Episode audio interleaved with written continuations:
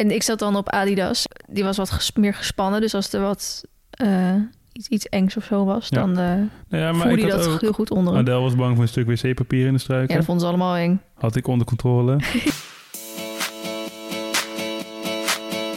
Hoi allemaal, leuk dat jullie weer luisteren naar een nieuwe podcast. En dit is de tweede en daarmee laatste met Sjoerd. Wil je hiermee zeggen dat ik nooit meer in de podcast Dat ga ik zeker niet zeggen, want ik zal even de cijfers erbij halen. Voor de mensen die eventueel de vorige, of eigenlijk voorgaande, eh, niet hebben geluisterd. Esmee heeft ehm de amandelen eruit gehaald.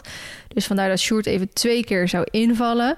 Mhm. En eigenlijk zouden dus twee keer achter elkaar komen, zoals ik altijd met Esmee doe, en dan een gast. Maar omdat wij vorige week op vakantie gingen en die week helemaal bomvol zat, Ja, voor jou, voor mij niet. Nee, vooral voor mij, omdat ik allerlei eh, dingen moest inhalen en de voorbereidingen moest doen voor mijn vakantie. Kwamen er echt niet aan toe om die podcast op te nemen, dus heb ik hem even omgereld. Dus Wesley hebben jullie vorige week gehoord en eh, dan Esmee, of dus eh, dan Sjoerd dus vandaag.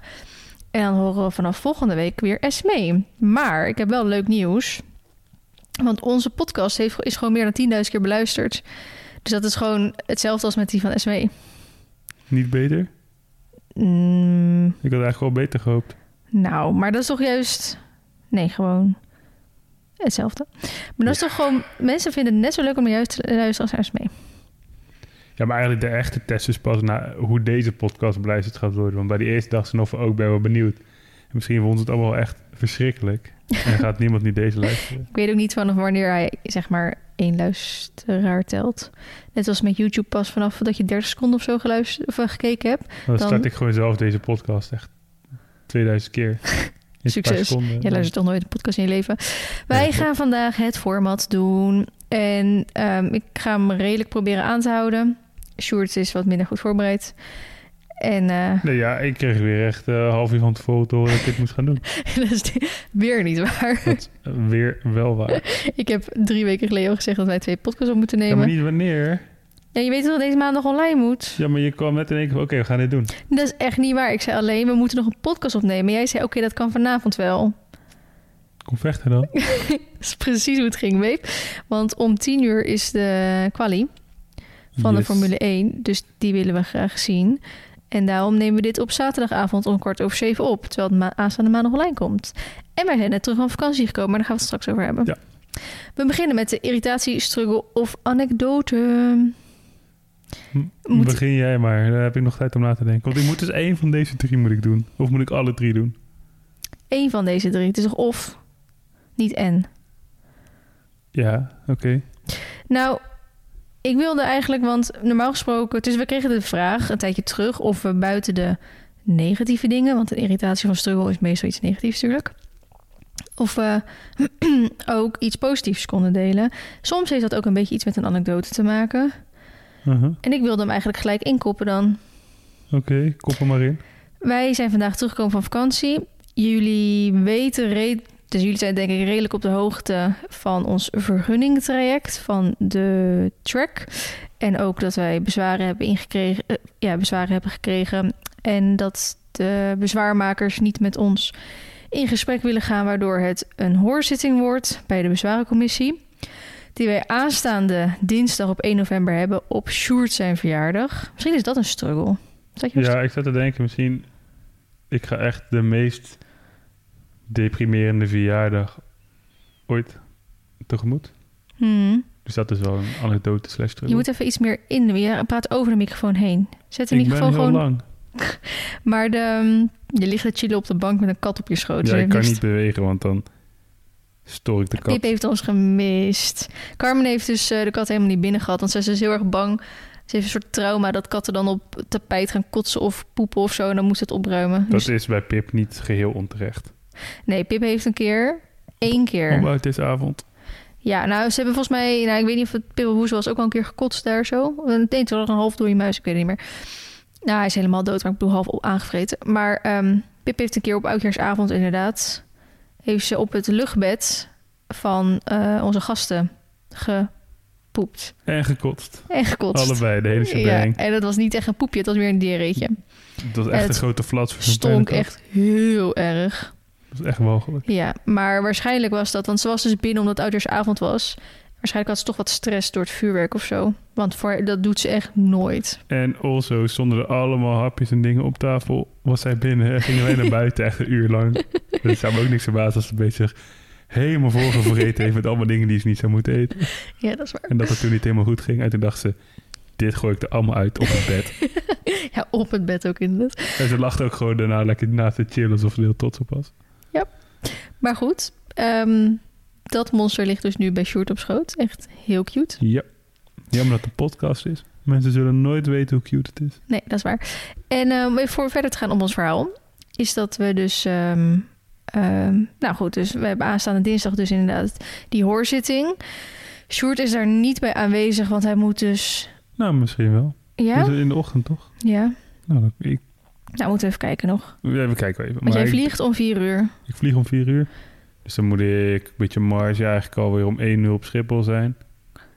Dus dan moet ik half twaalf de trein. Vanaf Apeldoorn Centrum. Dan zou je echt gelijk door moeten vanuit de hoorzitting. Ja, is niet ideaal. Dus daar gaan we het nog even over hebben. En ik moet ook even vragen, omdat ik een andere plus één meeneem, namelijk mijn adviseur. ehm, of jij dan nog wel aanwezig mag zijn eigenlijk. Omdat zij in de plaats van jou komt. Dat zou echt niet oké zijn. Hoezo? Ik heb liever haar erbij dan jou erbij. Dat is echt zo rude om te zeggen. ja, maar zij is mijn adviseur. Maar ik... Ben je verloofd? ik maak niks uit, schatje. Ehm, dat hebben we dus op 1 november. Dus zowel dat we de hoorzitting hebben als dat Sjoerd weer voor deze keer maar drie weken En dat ik jarig ben. naar boord ben. En omdat hij dus jarig is. Dus Mijn een... verjaardag is een hoorzitting. En vliegveldterminals. En een vliegtuig. Ja. In mijn eentje. fun. Dat is depressing. Maar we hebben dus dan, eh, zoals ik nu al zes keer gezegd heb, de hoorzitting. Omdat... Wat heb je dan? Hoorzitting. Oh, ik denk dat je het even duidelijk maakt. omdat eh, bezwaarmakers ehm, niet open stonden voor een gesprek. Niet verder op in te gaan. Maar wij... ehm dan ben ik mijn verhaal helemaal kwijt. Nee, oké. We kregen een heel dik pak papier binnen. Ja, want wij mochten dus voor deze hoorzitting mochten wij ook nog een tegenreactie geven. Toen hebben we echt een zieke scriptie geschreven gewoon. Echt niet normaal wat een boekwerk wij hebben ingeleverd. En eh, afbeeldingen en tekeningen en weet ik het wat. Mhm. En ehm, dat dan kreeg je dus nog voor, voorafgaand aan de hoorzitting kreeg je alles toegestuurd. Dus alle stukken die er maar bestaan. Die dus ehm, nou, helemaal het begin, het plan wat we hebben ingediend... tot de ver- verlening van de vergunning, tot de eh, bezwaren... tot ehm, het, eh, het, hoe heet dat, de scriptie die wij weer hebben ingestuurd. En daarbij kregen we het advies van de gemeente zelf. Ja, ik weet niet of het echt advies is. Het is meer, wij hebben ons ding geschreven. Mhm. Onze nadere stukken. Eigenlijk is dit gewoon een nadere stukken van de gemeente. Ja. Waarin de gemeente Oh ja, uitlegt dat ze, waarom zij het besluit genomen hebben. Eh, het hele proces, hoe dat gegaan is. En ja, dat zij dus van mening zijn dat, ze, dat alles volgens de regels gegaan is. En dat er geen enkele reden is om die vergunningsaanvraag af te wijzen. Dus, oftewel, zeer positief voor ons. Want zij vinden nog steeds dat wij deze vergunning mogen krijgen. Ja. Ondanks het bezwaar. Want zij, de gemeente is het dus ook niet eens met het bezwaar. Nee, daar komt het wel op neer. Wij gaan dus naar de hoorzitting. En ik ben daar, ben slash was, omdat door dit ben ik er iets positiever op geworden. Echt super zenuwachtig voor. Maar ik had een eh, volger die mij een berichtje stuurde dat ze bij een andere gemeente werkt. En dat ze ook wel eens hoorzittingen doet en zo. En dat ze zegt, het klinkt heel heftig, omdat je met het woord hoorzitting gelijk aan een rechtszaak of zo denkt. Mhm. Maar het valt echt heel erg mee. Ze gaan gewoon wat vragen stellen en dat is het eigenlijk. Dus dat is wel fijn. Ehm naar aanleiding van die vragen en dus ook de antwoorden die daarop gegeven worden, ehm, gaat de bezwarencommissie dan ook weer een advies doen. Nogmaals aan de gemeente. En de gemeente kan dan nogmaals gaan besluiten: gaan we iets met het advies doen of helemaal niet.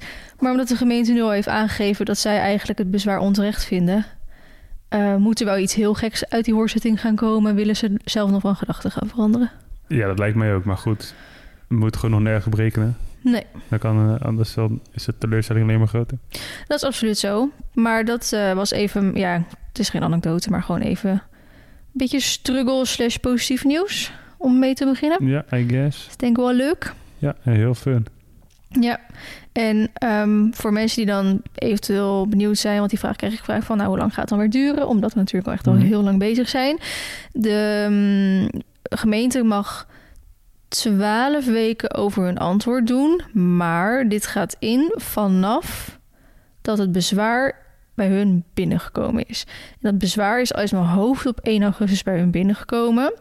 En we, zaten, we zitten nu in week 12 volgens mij al. En omdat dus aanstaande maandag dan week 13 eigenlijk ingaat, hebben ze de, omdat dan dus de hoorzitting pas plaats kon vinden. Want een hoorzitting is ook niet elke dag of zo, dat zeg maar één keer in de drie weken. Dus er moet dan weer een geschikt moment voor vinden. Dus die hoorzitting kon pas buiten die 12 weken plaatsvinden. Mogen ze eenmalig met zes weken verlengen. Nou, daar valt die hoorzitting dan wel binnen. Um, dus die zit, volgens mij, die hoorzitting zit dus in week 13 of zo. Uh, en ze mogen dus tot en met week 18 erover doen. En ik had een beetje uitgerekend en dan zit je in begin december. En dat is natuurlijk weer over een paar weken, maar eigenlijk valt dat een soort van mee. Want ja, als je beseft dat we sinds begin februari bezig zijn, dan is dat al heel snel. Precies, en het scheelt dat we afgelopen week, want wij zijn op vakantie geweest, dus voor ons was het heerlijk weer voor op de Schelling, maar ook hier thuis was het heerlijk weer. Dus het is best wel weer gewoon lekker droog thuis. Ja, de modder is nu weg, weg. tijdelijk. weg. Voor nu. Voor nu. Voor onze vakantie heeft het heel veel geregend, dus hebben we heel veel uh, modder weer gehad. En um, ik hoop eigenlijk gewoon dat af, aankomende weken een beetje dit weer blijft. Af en toe een is echt niet erg, maar als het maar niet weer zo gaat stortregenen. Want dan nee, kunnen we hopelijk de modder een beetje rekken totdat we mogen gaan beginnen. Dat zou veel zijn. Dat zou heel fijn zijn. Ja. Dus dat over um, de vergunning. Zijn jullie weer helemaal up-to-date, net zoveel als wij weten ervan? Heb jij ondertussen al over een irritatiestruggle anekdote kunnen nadenken? Of? Nou, ik heb wel een struggle, maar ik weet niet of het een goede is om te bespreken hierin? Weet ik ook niet. Weet je wat je wil zeggen? Nou, oké. Het is... Oké, eh, hoe ga ik dit zeggen? Begin bij het begin. Het is een soort van persoonlijke struggle. Oeh, spannend. Waar gaat het heen? Weet, over weet ik hiervan? allebei, waar we oh. het ook over gehad hebben. Oké.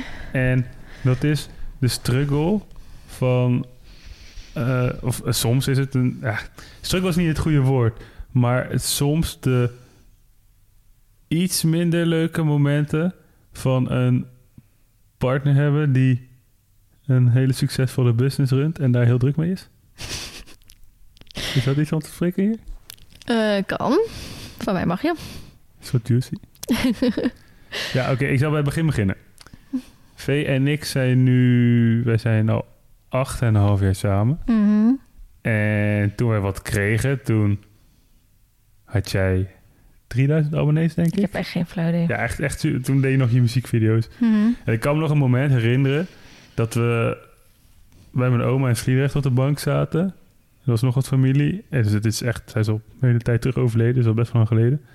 En toen... Oh, bij die oma, ik dacht al. Oma is echt net twee maanden geleden overleden. Mhm, nee, andere oma. Oké, ja. En uh, toen begon het net in één keer allemaal te groeien. Toen was je net begonnen met vloggen en zo. Mm Toen had je 8000 abonnees of zo. En dan zaten we allemaal van, wauw, 8000, dat is zoveel. Mm. En dat, dat is allemaal hoe het een beetje begon. En het is natuurlijk in de loop der jaren is dat gegroeid en gegroeid. En ik heb dat van heel dichtbij gezien. En nou goed, het, het langzaam van de hobby werd steeds meer werk.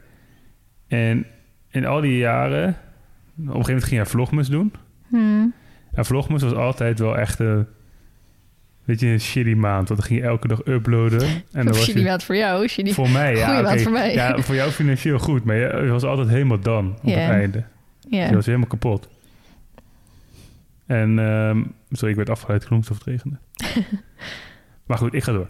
En Vlogmas was altijd zoiets, dan moest je er eventjes doorheen komen.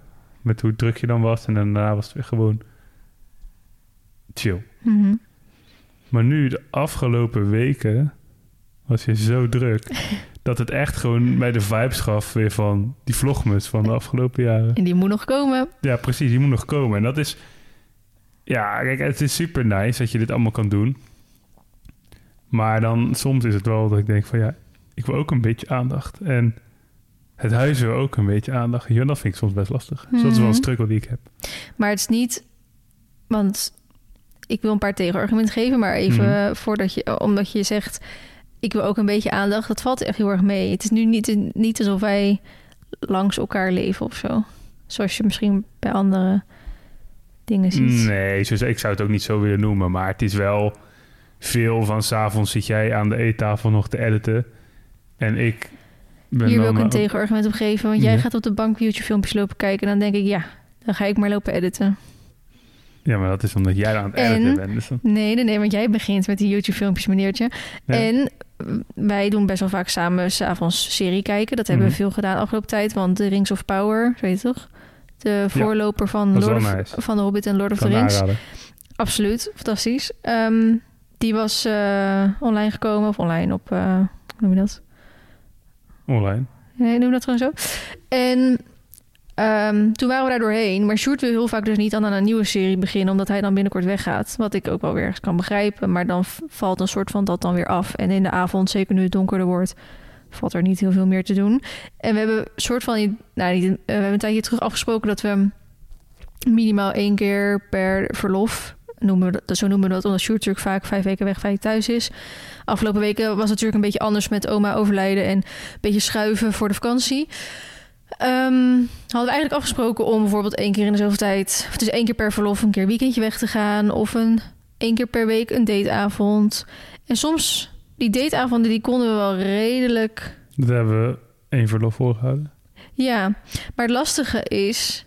ehm, tenminste, ik vind het voor nu een beetje anders, omdat wij wisten dat we op vakantie gingen. Mhm. Dus dan weet je dat je gewoon zeven dagen, ook al gingen we met jouw familie, quality time hebt. Dus dan vervallen er al een paar dingen. En wat ik lastig vind, is dat ehm, ik probeer te sparen. En dat probeer ik voor mezelf, maar ook een heel groot stuk voor jou. Omdat jij al jarenlang vindt dat ik financieel niet op orde heb. En daar heb ik me al een aantal keer over uitgesproken in de podcast. Dus de luisteraars weten er ook van. En dat probeer ik nu goed te doen. Dus Mhm. aan de ene kant probeer ik meer te sparen. Dus minder nou, uitgaven te doen die niet helemaal nodig zijn. Zoals één keer in de week uit eten. Of Mhm. een weekendje weg terwijl we het hier thuis hartstikke goed hebben. Ehm, en aan de andere kant probeer ik wat meer geld te verdienen. En nu is dat, dat is dus een van mijn tegenargumenten, is daar echt, nu zijn echt de goede maanden om dat te doen. Omdat, eerlijk ben ik, Nacho erbij is gekomen. Mhm. En ik heb natuurlijk Nacho eh, gekocht met heel veel redenen. Die weten luisteraars denk ik ook wel. Maar het is natuurlijk ook een stukje investering in mijn werk. En ik heb wel eens gewoon voor de gein geroepen van... hij moet zichzelf gaan terugverdienen. En daar zijn we, dat heeft hij bijna gedaan, denk ik. Denk je? Zo snel? Jawel. Inclusief wrestling training erbij? Nou, dan misschien moet er nog één maandje erbij. maar, ehm, dus nu, eh, sinds dat Nacho er is, ben ik gewoon best wel veel aan het uploaden. Kijk, ik zal met jullie, want daar ben ik ook altijd wel open en eerlijk over, omdat ik dat eh, eh, zelf ook fijn vind als andere mensen dat zijn. En heel veel mensen vinden dat heel interessant. Als ik naar mijn statistieken ga en dan even naar mijn opbrengst, zat ik eh, in mei. Ik heb geen flauw idee, want wat ik in mei heb geüpload op 2600 euro. Wat ik dus verdien met alleen YouTube-inkomsten. Mhm.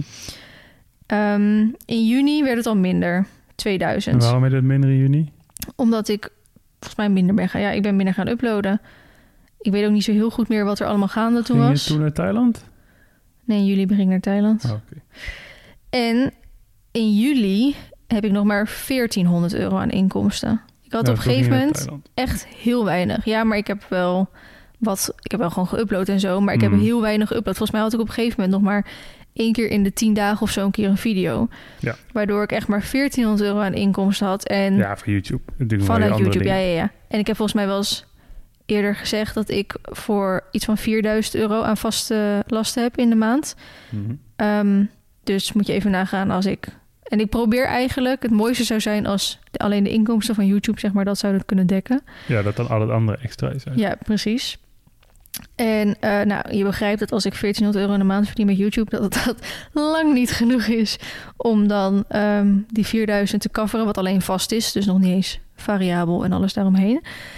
En ehm, dat was dus omdat ik gewoon heel weinig geüpload had, omdat ik denk ik dus ook heel weinig te filmen had. Ehm, volgens mij was het toen ook heel warm en was me, ik ben naar Thailand geweest, was met Mar best wel aan het focussen op die dressuur toen. Waardoor eerlijk is eerlijk ook ja, mensen dat saaier vonden om naar te kijken. Toen kwam Nacho, eind Mhm. juli. Toen in één keer st- stegen dus de inkomsten van... Meestal zat ik altijd een beetje tussen de 2 en 2500.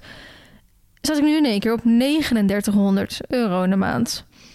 Maand 2, die is dan nog steeds goed, maar natuurlijk iets minder, omdat de eerste paar video's van een nieuw paard altijd sky high Ja, gaan. precies. Zat ik op 3400. Maand 3, oktober, waar we nu nog middenin zitten. Ehm, ik heb Nacho naar huis gehaald. Ik heb, ehm, ben heel veel aan het uploaden inderdaad. Daar komt Sjoerd zijn struggle ook van dat ik dus veel aan het werk ben. Onder andere. Ik heb heel veel eh geüpload, niet eens meer drie keer in de week, maar soms gewoon echt bijna elke dag. Omdat ik gewoon zo ontzettend veel video's had. En eh, ten eerste omdat ik het heel leuk vond wat er allemaal gebeurde. Er gebeurde ook gewoon een hoop. Ehm, en heel veel mensen reageerden ook soort van... het eh, lijkt een soort pre-vlogmus. We worden heel erg verwend met zoveel video's.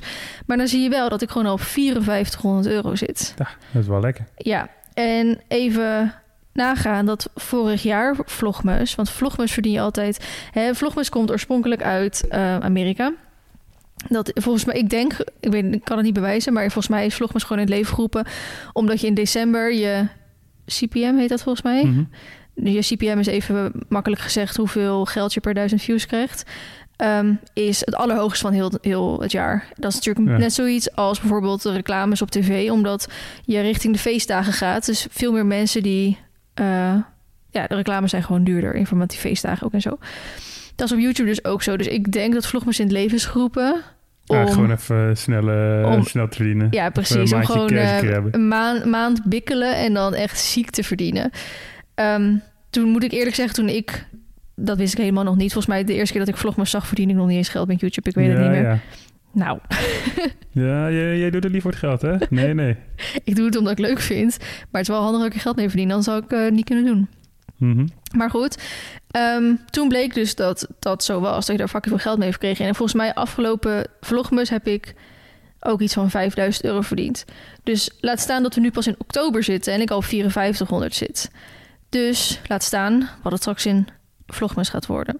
Dan is natuurlijk misschien de nieuwigheid van Nacho er alweer een beetje af. Mhm. Dus dan moet je een nieuw paard kopen. gaan we zeker niet doen. Ehm, maar even als voorbeeld om dus... Ik snap Sjoerd zijn ding van dat ik heel druk ben geweest afgelopen maanden. Maar nu was wel echt even het moment om even goed uit te melken. Laat ik het zo heel onerbiedig zeggen. Nee, zo bedoel het natuurlijk absoluut niet. Ik ga niet mijn paard uitmelken voor, voor eh, inkomsten. Ik hoop dat jullie dat uiteraard begrijpen. Maar er was gewoon zoveel te filmen... dat ik ook zoveel wilde filmen... en dat ook online kon gaan zetten. Ehm, daarbij hadden we afgelopen maand opnames voor Inspiratie Huisvesting. En ehm, dus die kwamen er ook nog eens bij. En wat ook wel zo is, is dat sinds ik met stagiairs werk, is het ook al iets anders geworden natuurlijk. Omdat de stagiairs hier twee, drie, soms vier keer in de week over de vloer komen. En dan moet de zaakjes ik ook gewoon van tien tot vijf aan het werk zijn. Terwijl ik het anders eigenlijk anders deed. 10 tot 5, zo wat chille werktijden trouwens van een stagiair. Ja, maar ik krijg niet vragen of iemand hier om negen uur wil zijn. Hallo. En dat eerder. niet voor hun of voor jezelf? voor mezelf. ja, maar Polly komt ook eh, uit eh, Noord-Limburg. Ja. Dus hij heeft natuurlijk ook een hele lange reistijd. En mijn volgende stagiair... Eigenlijk mijn stagiairs hebben dat tot nu toe gehad. Noek die kwam natuurlijk ook van heel ver. Romy had een uur reistijd. Annelinde had ruim een uur reistijd. Polly heeft dan bijna twee uur reistijd. En Fabienne die gaat straks 2,5 uur reistijd hebben. Enkele reis. Ja. Ja, maar komt dat ze met OV moet komen. Dat is niet best. Ja, ik zou het ook niet gedaan hebben. Maar zij wil heel graag komen stage lopen. Dus, is ze eh, vijf uur op een dag aan het reizen. ja. Hoeveel dagen in de week? ja, maar ze komt denk ik maar, maar twee keer in de week of zo. Het is nog, nog steeds tien uur. Ja, ik vind het ook veel, maar zij heeft dat ervoor over. En dat, eh, ja, oké. Dat is niet best. Maar jij hebt een beetje mijn punt gekaapt. Dat was mijn struggle. Jij hebt echt 90% van het praten. Het Ja, maar ik wilde is hem wel weer jouw leggen. podcast. Ja, Want Canada. ik wilde hem weer leggen. Maar, Maar- ja, maar je hoeft hem helemaal niet te weer leggen. Want het is niet dat ik je ergens van beschuldig. Hmm. En uiteindelijk ben ik ook gewoon blij dat je dit kan doen. En waardeer ik alles wat je doet. Nou, en wat fijn is, is dat wij dus uiteraard voordat de podcast, we dit in de podcast bespraken, dit ook al samen hebben besproken. Dus wij hebben best wel goede communicatie. Soms. Soms. Ja, meestal wel. Maar Ja, over dit soort dingen wel. Over dingen binnen onze relatie hebben we altijd hele goede communicatie. Ik denk dat daarom wij eigenlijk ook heel steady gaan en eh, eigenlijk nooit ruzie hebben. Hm. Ehm, Waarover hebben we geen goede communicatie? dan? Nou, dat ik heel vaak niet van dingen af weet die binnen jouw familie worden afgesproken. Ja, maar dat ligt niet zozeer aan mij als het feit dat jij niet in bepaalde appgroepen blijkt te zitten. en dat is dan niet jouw schuld, maar gewoon van de beheerder. Van een beer, ja, ja. Maar jij gaat er dus van uit dat ik iets weet, terwijl ik het dus niet weet, want ik weet het niet. Wat zal een loze zin? Terwijl ik het niet weet, want ik weet het niet. dat is wel een goede cirkelredenatie. Ja. Maar, nee, kijk, uiteindelijk is het alleen maar fijn dat je dit doet. Want ik, ik heb al wel eerder ook gezegd van... Kijk uit welke beroepen je noemt voordat je straks mensen kunt Nee, ik, ga, ik wil nu niet... Nee, ik weet niet. Ik wil niemand kwetsen. Maar ik vind het wel fijn dat jij werk hebt... waar we gewoon inhoudelijk over kunnen praten, samen. Mm. En niet iets wat elke dag hetzelfde is... en wat je niet echt met mij kan bespreken... omdat het voor mij helemaal niet boeiend is of zo. Mm. Heb ik het zo netjes gezegd? Ja, je hebt zo wel niks Ja, gezegd. goed hè. Ja. En, maar, en wat ook nog een factor is in dit hele alles, is dat ik natuurlijk de helft van het jaar weg ben. Ja, dus je mag gewoon niet praten. Aan de ene kant niet, maar dat, dat betekent wel dat ik, als ik vijf weken weg ben, dan kijk ik er ook weer vijf weken naar uit om naar huis te gaan en je weer te zien. Hmm. En als jij dan fucking druk bent, is het echt van, oh, ja. Ja. Ik had er meer van verwacht. Ik probeerde vroeger Zo. wel eens wat meer te plannen dat als Sjoerd weg was, dat ik dan wat drukker was. En als hij thuis was, dat ik dan wat rustiger was. Maar net wat ik nu zeg, dat ging dan niet echt. En ik denk ook een beetje dat Sjoerd in de eerste jaren dat het zo ging, wat een beetje verwend is, dat ik dat dus dat ik best wel veel vrij had. Ja, maar dat is ook gewoon omdat je business gegroeid is. Ja, dat is zo. En ik heb wel mensen aangenomen als in Anne erbij en een stagiair erbij, waardoor je taken uit handen geeft, maar waar je moet nog steeds die mensen begeleiden en aansturen en Ja, maar dan moet je wel, kijk, je, je business die groeit, dus het wordt drukker. Maar er komt wel een punt dat je moet zeggen van... oké, ik moet er nu zelf niet nog meer tijd in gaan stoppen. hmm, Omdat ik ook tijd over moet houden voor andere dingen. Ik ga niet zeggen dat het punt bereikt is... maar het is wel iets wat je in de gaten moet houden. Ja, maar gaat het nu over dat je zegt... ehm, want vorige keer had je het ook over dat je bang was dat, je, dat ik in eventueel een burn-out of zo zou komen. Ja, ja, maar kijk, gewoon voor alles. Dus kijk, als je dus op een gegeven moment zoveel tijd in gaat stoppen... dan, of te veel tijd in gaat stoppen... dan gaat het ten koste van jezelf. Ten koste van je sociale netwerk misschien. Ja, bij jou minder, omdat jouw sociale netwerk is soort roos, dat natuurlijk paarden. dus dat zit ook eigenlijk in jouw werk. Hmm. Maar goed, je familie bijvoorbeeld wel en mij. en eh, dingen bij in het huis bijvoorbeeld. Hmm. Dus dat moet je wel in de gaten houden. Ja. Dus dat is gelijk een tip van de dag. Hou in de gaten wat je werk-privébalans is. Goeie tips. Zorg dat de weegschaal in balans is. Hmm. Oké, zullen we overgaan naar eh, een actualiteit of roddel? Een actu ik wil een roddel. Speel de juice. Nee, speel de tea. Nee, daar ga ik met Esmee pas over hebben. Waarom? Omdat Esmee mm, niet helemaal soortgelijk, maar ook weer wel heeft meegemaakt, ook van de week. Dus ik wil het met Esmee over hebben. Gaat het over ongewenste negatieve reacties op Ja. Instagram? Maar zij kreeg ze op YouTube. Ik weet het. Ik ben op de hoogte. Dus je kan het Mhm. ook gewoon maar even spreken. Nee, Je krijgt ze ook wel eens. helemaal niet. je kreeg nooit negatieve reacties. Nee, positief maar nooit. Weet je wat grappig was? En een beetje confusing. Ehm, ik had dus vorige week die podcast met Wesley. En, Mhm. Wes- en we hadden zo op het einde geschreven. Ehm, of geschreven, sorry, ik ben twee dingen tegelijk aan het doen. Hij Had, Wesley had op het einde gezegd van... eh, nou, ik hoop dat jullie de podcast leuk vonden. En eh, zo niet... eh, in ieder geval iets van... ik ben benieuwd naar alle kutreacties die ik krijg of zo. Maar een beetje voor de grap, weet je wel. Dus iemand had naar hem gestuurd... Ja, hier vraag je om. Dus ik vond je podcast met vrienden eigenlijk heel leuk. Eerlijk, oprecht, niet gekunsteld en zo. Daardoor verfrissend. Maar omdat ik beren benieuwd ben wat voor rotte ziel je hebt... wat een kut podcast. Helemaal niet inspirerend, saai en eentonig. Dus Wesley en ik zaten eerst van... Huh? We snapten hem niet. Dus Snap je hem Wesley... inmiddels al? Ja, ja, dus Wesley zei, "Mm, ik snap je bericht niet zo goed. Dus hij zegt, jij zegt in de podcast, kom maar op met die kutreacties of zoiets. Maar ik had geen kutreactie, want ik vond het een hele leuke podcast. Maar ik ben wel heel benieuwd hoe gemeen je reageert op de reacties, zoals je in je podcast zegt. Dus vandaar mijn reactie. Het verhaal wordt er niet duidelijker op, lees ik. Dat zei ze Nou, ja, zelf. op zich wel. Het is gewoon zo'n gevalletje van heel veel grappen of opmerkingen Ja, werken niet als je ze in een DM stuurt. nee, precies. Omdat dan gewoon de, de toon en de, de ja, manier van het zeggen Ja, weg is. maar achteraf gezien was hij dus op zich wel grappig bedoeld. I get it. Ehm, ik wilde nog iets zeggen over die podcast met Wesley. Oh ja, ik heb trouwens echt hele leuke reacties op gekregen. Maar ik vond hem zelf ook echt heel erg leuk. Dat we iets korter hebben gehouden over hem en iets langer over de Q&A. En voor, voorheen was het altijd dat we best wel lang over de gast doen... en dan heel kort nog even een Q&A erachteraan. Dus dat ga ik denk ik wel vaker doen. Oké, ja, ik heb hem niet geluisterd, dus ik kan niet oordelen. Maar goed, even terugkomend op eh, de roddel. Ja, daar ging dus, maar daar ga ik het met Esmee dus uitgebreid over hebben. Van de week eh, had ik wat gezeik op Insta met mensen. En eh, die gingen daar allemaal dingen op hun story zetten. Ja, ik vind het wel... Als je het met Esmee wil bespreken, dan moet je het lekker voor dan laten. Maar ik vind het wel interessant ook omdat wij niet op één lijn zaten qua hoe, je de, hoe we denken dat je ermee om zou moeten gaan. Eh, dat kan. Toch? Ja, ik vind het wel Ja. interessant. Oké, nou ja, we gaan nog steeds niet eh, helemaal erin op hoe en wat, want dat wil ik zo met Esme even doen.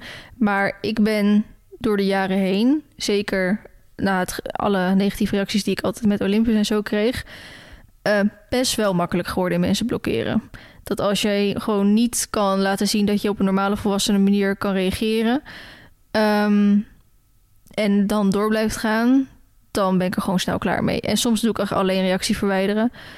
Maar als ik vervolgens van heel veel verschillende mensen DM's of berichten krijg van dat doet die persoon altijd. Ehm, dus dat, eh, dat is gewoon hoe diegene is. Dan ben ik er gewoon klaar mee en dan word je gewoon geblokkeerd. Ja, en daar is natuurlijk wel wat voor te zeggen.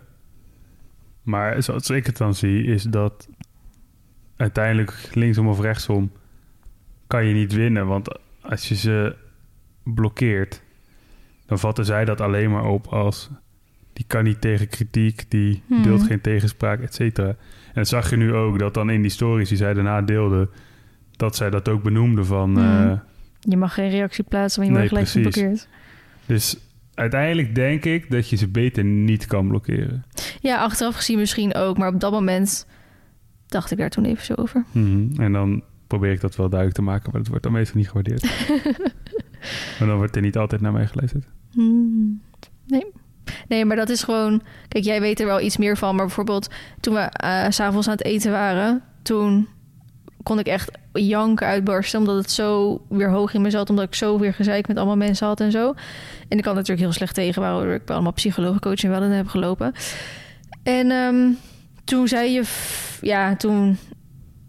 Ik weet niet meer hoe- het ter sprake kwam... maar toen zei je vader of je moeder ook van... nou oké, eh, nu naast je neerleggen en... eh, gezellig mee eten of zo, weet je wel. En Mm. dat klinkt nu heel gemeen, maar ze bedoelen dat gewoon aardig. Ja. Maar dat kan gewoon niet. Nee, precies. Maar het is natuurlijk het, het, het equivalent van dat zij op hun werk door iemand onterecht zo afgezeken zouden worden. Mhm. Door meerdere mensen. En dan zou je daar ook mee zitten. Weet je wel? En dan, nu lijkt het heel klein als een reactie op Insta. Mhm. Maar uiteindelijk is het idee wel hetzelfde. Mhm. Dus Ja. ja, ik denk dat, dat zij niet realiseren dat het niet iets is wat je heel makkelijk naast je neer kan leggen. Nee, precies. En wat het kutte vind ik aan dat het op Insta gebeurt en ook in reacties en nou, verder gaat bij andere mensen in hun stories. Dat elke seconde kan er iets nieuws geplaatst worden. Mhm. Dus je bent eigenlijk constant aan het refreshen om te kijken of er weer iemand een negatieve reactie heeft achtergelaten. Want kijk, weet je, als dat iemand dat doet, dan moet ze lekker zelf weten. Ik besluit dan weer of die wordt verwijderd of niet. Alleen het kut is als ik het soort van niet op tijd zie, dan gaan andere mensen daar weer op reageren. En dan komt er weer zo'n heel ding. Dus ik wilde eigenlijk op tijd zien, zodat ik het of kan eh, Dat de verwijderen. kop in kan drukken. Precies, wegwezen. Niet op mijn account. Ga dat maar lekker ergens anders doen. Nou, eigenlijk liever niet. Tenminste, niet over mij.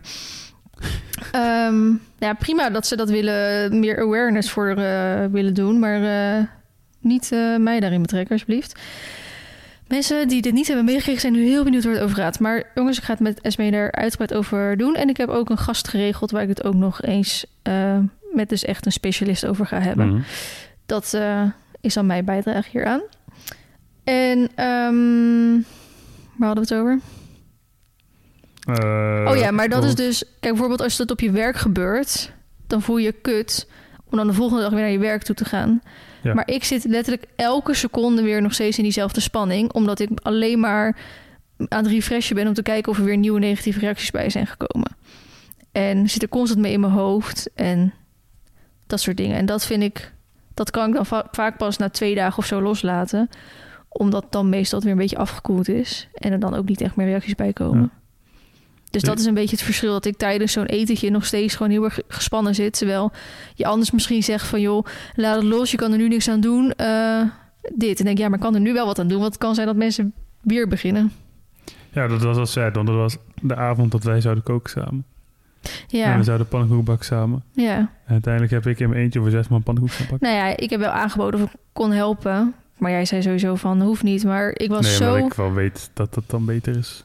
Nou, en ik was zo... Dat heb ik natuurlijk heel snel. Als, ik, als er zoiets gebeurt, dat ik dan echt misselijk word. En best wel een beetje interne... Ja, mevrouw heeft maar één pannenkoek gegeten. Ik heb zo mijn best dat zegt al wat, hè, dat ik maar één pannenkoek eet. Ja. Maar dat slaat natuurlijk altijd bij mij, net zoals met zenuwen en andere dingen, gewoon heel erg op mijn keel. Ehm, of op mijn buik, of hoe je het ook wil zeggen. Waardoor ik zo misselijk word. Dus ik kan echt geen pannenkoek pakken dan. Ik werd al misselijk bij die geur. En je vader was lekker die eh, kachel aan het stoken. Het was echt Dat was echt- 24 Dat was graden binnen. achterlijk warm. Het was echt niet te doen. Ik moest gewoon weg uit die kamer. Weet je, echt zwaar leven, hè? Ja. En dat heet dan vakantie. Ja, dit wat gebeurde tijdens mijn vakantie. Mensen moeten echt rekening houden met wanneer ze negatieve reacties over mij gaan plaatsen. oh, het is de vakantie, doe het even niet. Ja, misschien moet ze gewoon überhaupt geen negatieve reactie plaatsen. Misschien moeten ze gewoon eens leren hoe je op een normale manier kan communiceren. Had je gezien dat Twitter nu officieel is overgenomen? Elon Musk. Elon Musk. En hij zegt van... Twitter is vrij, alle censuur eraf, et cetera. Echt? Maar heel veel mensen zijn nu dus bang dat het echt, Oorlog wordt. dat het echt een super toxic en Hmm. geen... Maar waarom heeft hij dat gedaan Maar dan? Twitter sukt sowieso al. Twitter, ja, Als je de, de comments op, op Insta soms irritant vindt, dan moet je echt niet op Twitter gaan. Want dat is één zure bende. Ja. Dat is echt verschrikkelijk. ja, ik heb mijn Twitter al lang... Ik heb zelfs mijn Twitter-account gewoon verwijderd. Wow. Er was een... eh, ik heb een keer een screenshot van mij gezien... dat ik iets... Di- Diek, Dijk of zoiets had gereageerd. D-I... eh, D, Grieks I-C. Diek, Dijk. Ik weet niet hoe je het Oké. uitspreekt. Dat zou ik getwitterd hebben. Ja. Long time ago. En ik weet niet of daar nou nog een woord voor of na stond, maar dat zou iets betekenen. Ik weet hier echt helemaal niks van. En het is ook al een paar jaar geleden. Dat zou iets betekenen dat je tegen ehm LGHTBQ bent. Of iets tegen mensen van kleur. Of ik weet het niet. Het was in ieder geval racistisch of zo. En dat kreeg ik dus naar mij toegestuurd van... eh, wat vakvliegen, ik wist niet dat jij eh, dit was of zo. En toen dacht ik echt, nou, ik heb hier ten eerste echt geen actieve herinnering aan. Heb jij het opgezocht? Ik kom alleen maar... Je moet meer in de microfoon praten. Ik kom alleen maar rare medische shit tegen. Ja, ik weet dus, maar het was wel DYC, maar ik weet niet of er nog voor of na stond. Maar goed. Ehm, dus ik, nou, wat ik zeg, totaal geen actieve herinnering aan. En ik dacht, ik probeerde het eerst nog misschien een soort van te, te weerleggen van Dico. Misschien dat uh, Diek, hè? Ja. Dico schrijf in de hond van mijn ouders schrijf je D-Y-C-O. Dus ik dacht misschien afkorting of zo. En, ehm, maar ik toen, ging dus toen mijn eigen Twitter openen. En ik zoeken, zoeken, zoeken nou echt nergens te vinden. Ik was echt tot heel ver teruggescrolld. En ik dacht, nou, ik kan me echt niet herinneren dat ik dan als een van mijn eerste Twitter, tweet, hoe noem ik Twitter tweets, tweets, Tweets. Dat zou hebben gezegd. Dus ik eh, ga ervan uit dat iemand dat gefotoshopt heeft en weer mij probeert te Maar framen. als je dan, dan kan je alles photoshoppen wat je wil. En dan photoshop je diek. Ja, ik vond het ook, ja, nou, ik vond het heel apart. het point? Eh, toen heb ik mijn Twitter verwijderd. Want eh, ik heb met heel, met waarschijnlijk jij ook, met heel veel andere mensen in hun jeugd toen Twitter net bestond, best wel rare 2008 shit, best wel rare shit getwitterd. Best wel gênant gewoon. Best wel gênant ook. Ik heb, zover ik weet, nooit iets racistisch getwi- getwitterd, maar getweet. Nee, maar bij mij was het ook gewoon meer de dingen dat je denkt van ja, de 13-jarige ik was gewoon een idiot. Ja, precies. Ja, maar dat is net als als je ver genoeg terugscrollt op mijn Facebook. Mensen, doe het alsjeblieft niet. dan kom je ook echt, dat is niet best. Nee, dat heb ik bij mezelf ook dan. eh, rare dingen die je zegt. Zo ja, dat doe je gewoon als je jong bent. En nogmaals, niet rare dingen over een ander, maar gewoon. Weet ik veel. Gewoon nogal shitty foto's met nog slechtere captions. Ja, maar ook gewoon die dingen van eh, ik zit op de wc of zo, weet je wel? Dat Heb soort. dat eh, ja, ik denk het niet, maar dat zijn toch van die typische eh, gekke dingen die mensen op Twitter zitten waarvan je denkt, dit boeit echt helemaal niemand. Maar goed, ik heb daarom mijn Twitter dus verwijderd. Dus ik heb er geen last van dat Elon Musk dat heeft overgekocht. Ja, ik ook niet. Maar ik heb ook, merk ik nu, dat ik, behalve jou, Insta natuurlijk, maar dat ik echt steeds minder care om Instagram. Dat ik, ik heb natuurlijk relatief veel volgers, Hmm. allemaal via jou. Hmm. En Ja, altijd als, als Short ergens komt en iemand vraagt zijn Insta, die zegt, wow, what the fuck, hoe kom jij aan die volgers? ja, precies, dat is dan wel grappig om die reacties te zien. Maar ik was eerst dan best wel bezig van ook met de hoeveelheid likes en zo die ik kreeg. Ja, maar was je dat echt bezig of was je meer voor de grap mee bezig? Ik had Nou, altijd het idee dat je meer voor de grap was. Tussenin, dat ik wel zoiets had van... Ik vond het wel altijd heel nice om te zien als ik er veel kreeg. Mhm. En als ik dan een post had die het wat minder goed deed... omdat jij bijvoorbeeld niet op de foto stond... dan vond ik dat ook wel jammer. Maar nu heb ik een foto van de Schelling gepost vanochtend... en het is nu avond en die heeft nog niet eens duizend likes. Hm. En het boeit me echt geen fuck. Oh, Het boeit me helemaal niks. en een kerk, ik vond het een leuke foto, ik zet hem erop. Mhm. Dus nou ja, dat Met trots. Ja. Trots op jou. maakt me allemaal helemaal niet meer uit.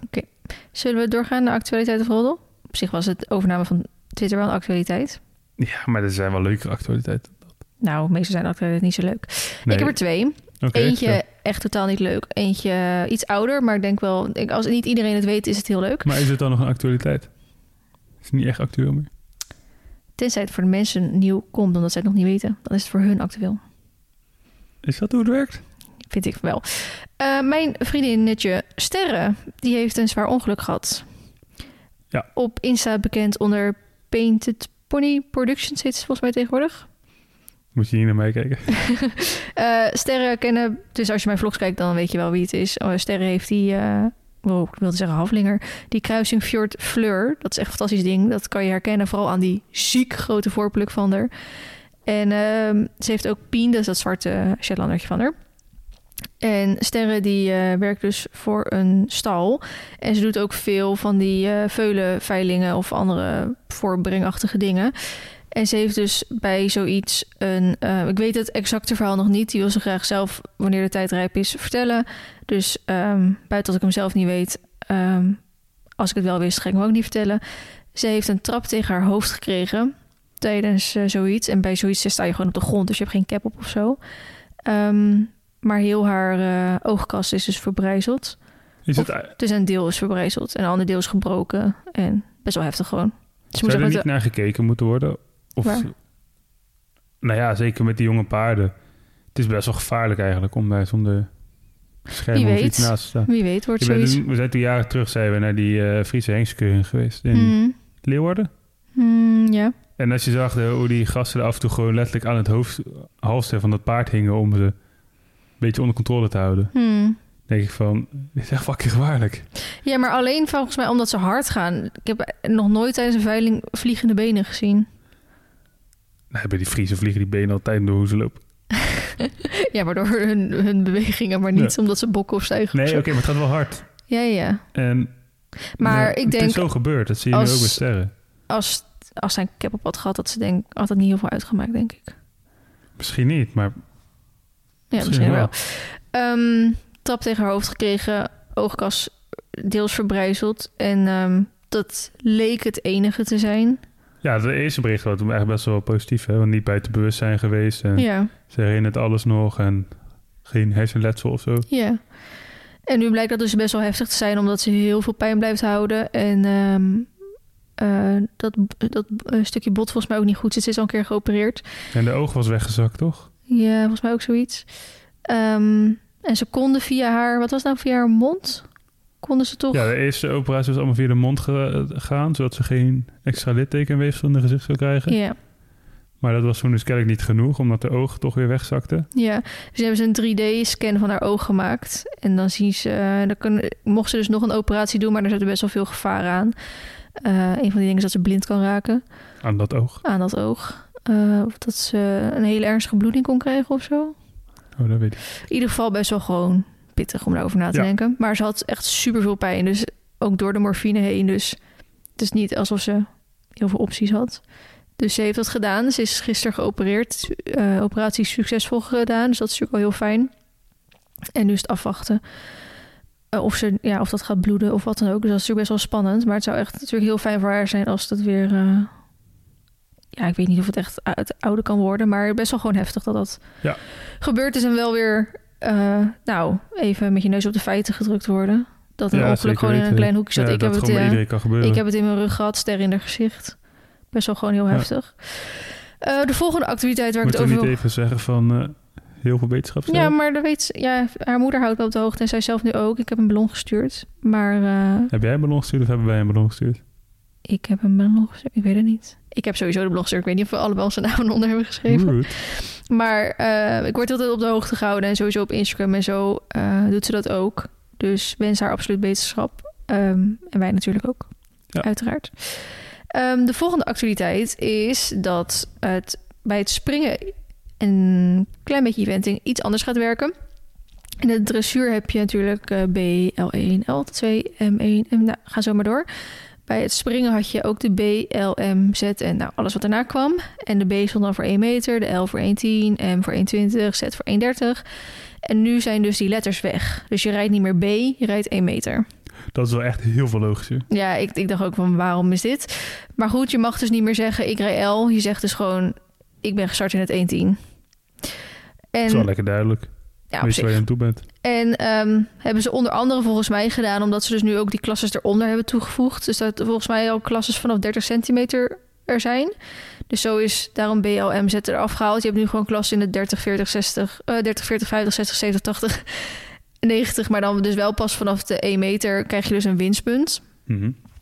Ehm, zodat de instap voor het springen wat makkelijker is. Alleen in de praktijk volgens mij is het nog steeds zo dat heel veel ehm, plekken waar dan wedstrijden worden georganiseerd, die gaan niet vanaf 30 centimeter beginnen of zo. Die beginnen vaak alsnog vanaf 80 of zo, Ja. weet je wel. Ehm, hele fijne weet ik er ook niet van. Want meer waarom ik het hier over wilde hebben, is dat het dus nu wel zo is als jij in de 90 centimeter een ja, winstpunt dan haalt, dan mag jij officieel B-eventing starten. En voorheen was dat dat jij een winstpunt in de 1 meter moest halen. En dat vind ik op zich wel een goede regel, want ehm, de 1 meter is best wel flink. Nu is natuurlijk eventing ook best wel flink, maar een B-eventing parcours staat meestal op 80 à 90 centimeter. Dus op zich vind ik het al redelijk logisch als jij een winstpunt in de 90 centimeter springen haalt, dat je dan gewoon B kan starten in de eventing. Maar je kan het ook zien als... Omdat natuurlijk een eventinghindernis is toch wat anders dan een springhindernis. Eventingen Klopt. zijn juist vaak vriendelijker dan Denk echte je? normale hindernissen. Ja, want het is voor een paard veel logischer om over een boomstam heen te springen dan over gekleurde balken. Ja, maar een boomstam is wel veel breder dan een balkje. ja, nou, Dus dan ja. moet hij wel weer verder ja, maar springen. je hebt, nee, maar je hebt toch ook oksers in een parcours? Ja, oké, maar dat is dan eentje of twee in een parcours. Ja, maar Terwijl voor een paard is, die, is een breedte van zo'n hindernis vaak niet zo heel veel moeite. Nee, oké, maar ergens zou je ook kunnen zeggen van... Ja, maar als een paard... Daarom is natuurlijk vaak een springparcours voordat je de crossing Ja. mag. Want als dat paard dan niet rondkomt in dat springparcours... mag je gewoon een crossing starten. Nee, Dus dat is, dat is al je, je graadmeter. ja, precies. Want ik zat de- ergens misschien een beetje een soort zekerheidje van... Ja, als jij een springparcours 1 meter doet, Ja, dan ik weet snap je je punt eigenlijk wel. wel... Maar ja, op zich, je start toch al een keer daarvoor. Ja. Maar ehm, dat zou leuk geweest zijn als het een paar jaar geleden was. Want ik heb bij Marley wel foutloze 90 centimeter BB's gesprongen. En nooit een foutloze 1 meter. En ik heb nu niet echt meer de intentie om dat weer te gaan doen. Maar het kan wel. Kan wel. Ik denk als ik maar goed train dat ik dan wel weer over die 90 heen kom. Maar ik heb daar niet echt meer de intentie voor. En ik heb nu ook Nacho dus. En weet Ja, je, ik heb zoiets van... Mar is nu ook 14. Eh, ik wil me eigenlijk gaan focussen op eh, andere dingen. Die we beide wat meer leuker vinden. En zoals ik zeg, ik heb nu ook Nacho waarmee ik dat straks kan gaan doen. Eh, en vroeger was het natuurlijk nog zo, dan was hij een stuk jonger. Ik denk dat hij een jaar of negen was. Dat ik mijn eerste foutloze 90 centimeter sprong. En dan heb je natuurlijk wat meer... Kijk, nu heb ik ook zoiets van... ehm, het gebeurt ook nog, nog niet heel vaak dat wij een foutloze eventing wedstrijd rijden, weet je. Of de oefencross bedoel ik dan rijden. Dus Mhm. dan heb ik straks die, die 90 centimeter winstpunt. En dan mag ik officieel eh eventing doen. Maar dan moet ik eigenlijk daar weer heel erg op gaan trainen. Terwijl, want hij wil nog niet altijd helemaal foutloos zijn. Snap je dus waarvoor doe ik het dan eigenlijk? Kan ik net zo goed gewoon lekker af en toe voor de fun oefencrossjes rijden. Op 60 centimeter, dat je veel meer die fun houdt. Ja, nou moet je het lekker doen, toch? Ja, eh, dat waren mijn actualiteitjes. Dat echt spannende actualiteiten. Nou, ja, er was volgens mij gewoon niet zoveel boeiends gebeurd. Heel veel over wedstrijden, dat boeit me helemaal niet. Ehm, de pot, Beep. De pot. We mogen de pot doen. Jij wilde heel graag de pot doen. Ik, wil wel, ik heb nog nooit de pot gedaan. Nee, maar jij, Maar jij, speelt nu even SME, oké? Want er zijn natuurlijk vragen op mij en SME gericht. Ik ben mee. Moet beter in de ding, ja. Oké. Wat staat er? Merries zijn minder geschikt voor de topsport. Oh, dat is echt totaal niet waar. Dat is zeker een eh, feit of fabel. Mening geven. Oh, eh, nee. Volgens mij, ik weet niet eh, de verhouding tussen hoeveel Mary's Ruinen en Henks in het transport rijden. Maar het is in ieder geval absoluut niet waar. Want bij Mary zegt ze juist vaak, die zijn wat lastiger. Maar als je ze eenmaal voor je hebt, dan gaan Ja, dan ze, gaan ze voor je... ja, meer voor je door het vuur dan Ja. een ruin zou doen. Ja. Ik weet ik ook, weet dat en ik ben een leek. oké. Mening geven. Oeh, ano- anoniem reageren op het internet. Oh, nou daar hebben we het natuurlijk net al een beetje over gehad. En ik vind wel dat het moet kunnen. Ik vind wel dat je anoniem moet kunnen reageren, tuurlijk. Maar ik vind gewoon de manier waarop. Ja, het is lastig, want er zijn situaties waarbij het goed is dat je anoniem kan reageren. Hmm. Ja, maar ik zeg toch ook weer de manier waarop. Want net zoals die reacties die ik kreeg, denk ik echt, jeetje. Als je dit anders had verwoord. Eigenlijk nu ehm, ging ik, hoe, ik heb daar een speciaal woord voor. Maar doordat zij zo reageerde, dacht Mhm. ik van, ho, blok- verwijderen en blokkeren. Ja. Terwijl als je mij gewoon een DM of zo had gestuurd, wat dan niet meer anoniem is, maar maakt niet uit. Ah, Insta is sowieso niet heel veel anoniems. En je had gewoon gezegd, joh Vlien, mij valt dit en dit op. eh, dat heet dit en dit. Misschien kan je er wat mee. Zo niet, dan niet. Maar dan heb ik in ieder geval tegen je gezegd. Dat komt al Ja. heel veel anders over dan hoe het nu gedaan werd. Ja. En dat vind ik dan meer met... Tuurlijk, je moet anoniem kunnen reageren. Soms zou ik ook zelf wel eens een anoniem account willen hebben... om ergens op te kunnen reageren. Of dat nou iets positiefs of iets negatiefs is. Maar dat doe ik niet, want dan krijg je slecht karma. Denk je? Ehm, jij bent hè? Oh, moet ik al Of wil je nog iets zeggen over? Nee, ik heb hier eigenlijk niet zo heel veel over te zeggen. Oké. Heb jij dat wel eens gedaan? Ergens op gereageerd? Ja, natuurlijk ook. Ik reageer wel echt op. Ja, maar negatief. Ehm, toen ik jonger was wel. Hmm. Maar ehm, nee, ja, echt wel heel lang niet meer. Ik reageer eigenlijk überhaupt nooit. Nee. Ik reageer onder posts van mensen die ik ken soms. Ja, ja, oké. Maar verder echt nooit. Mhm. Oké. Fjord of Tinker? Oeh. Ehm, ja, Ik kies Fjord. Mij maakt eigenlijk niet zoveel uit. Ik vind allebei wel leuke dieren. Ja? Ik heb... Oké, ik wil niemand tegen de Pas schenen op, hè. Ik heb een stagiair met een stinker. Ja, weet ik. Wow, ik zei- Een Tinker. stagiair met een... Wow, nu, nu rood jij Er kwam, Tinker. nee, nee, nee, er kwam echt per ongeluk een S tussen. Een stagiair Ja, met ja. een tinker, wilde ik zeggen. Maar ik... De uitstraling van een Fjord spreekt mij meer aan dan de uitstraling van een Tinker. Maar Ik ken ze verder niet goed genoeg om op iets anders dan uiterlijk een oordeel te kunnen geven. en ik ken zus, zus ken ik vrij goed en die is wel cute. Suske is fucking cute. Precies. Maar maakt niet Dus zoveel uit eigenlijk. Ik vind allebei wel leuke diertjes. Alrighty. Oeh, balloenen. Jezus, wat heb ik? Balloenen. Feline wil Baloo overkopen. Feit of fabel? Hebben we deze niet ook een keer gehad? Weet ik niet, maar niet met mij. Eh, nee. Ten eerste, ik, eh, Je wil geen Mary. ik doe niet aan zwarte, zwarte Dat paarden. Pittig racist. ik doe niet aan zwarte paarden. En ehm, ik, nou, liever ook geen merrie, maar Baloo is niet echt een merrie. Baloo is echt zo'n eh, zo'n ruine merrie. Eh, ik wil hoe Baloo voor de rest in de omgang is qua... Wat is er? Niks. Qua karakter en ook wat aanleg voor sport is het echt... dat zou ik wel willen. Op zich verwacht ik dat ook wel. Nou, Baloo heeft wel betere ouders qua springen en zo. Maar qua karakter zit ik als goed ook wel goed met Nacho. Ehm, maar ja, wat ik zeg, ik doe niet aan zwarte paarden. En daar komt nog bij dat ik het nooit toe zou laten. Want je hebt al twee paarden en dat is genoeg. Ja, ja, dat sowieso.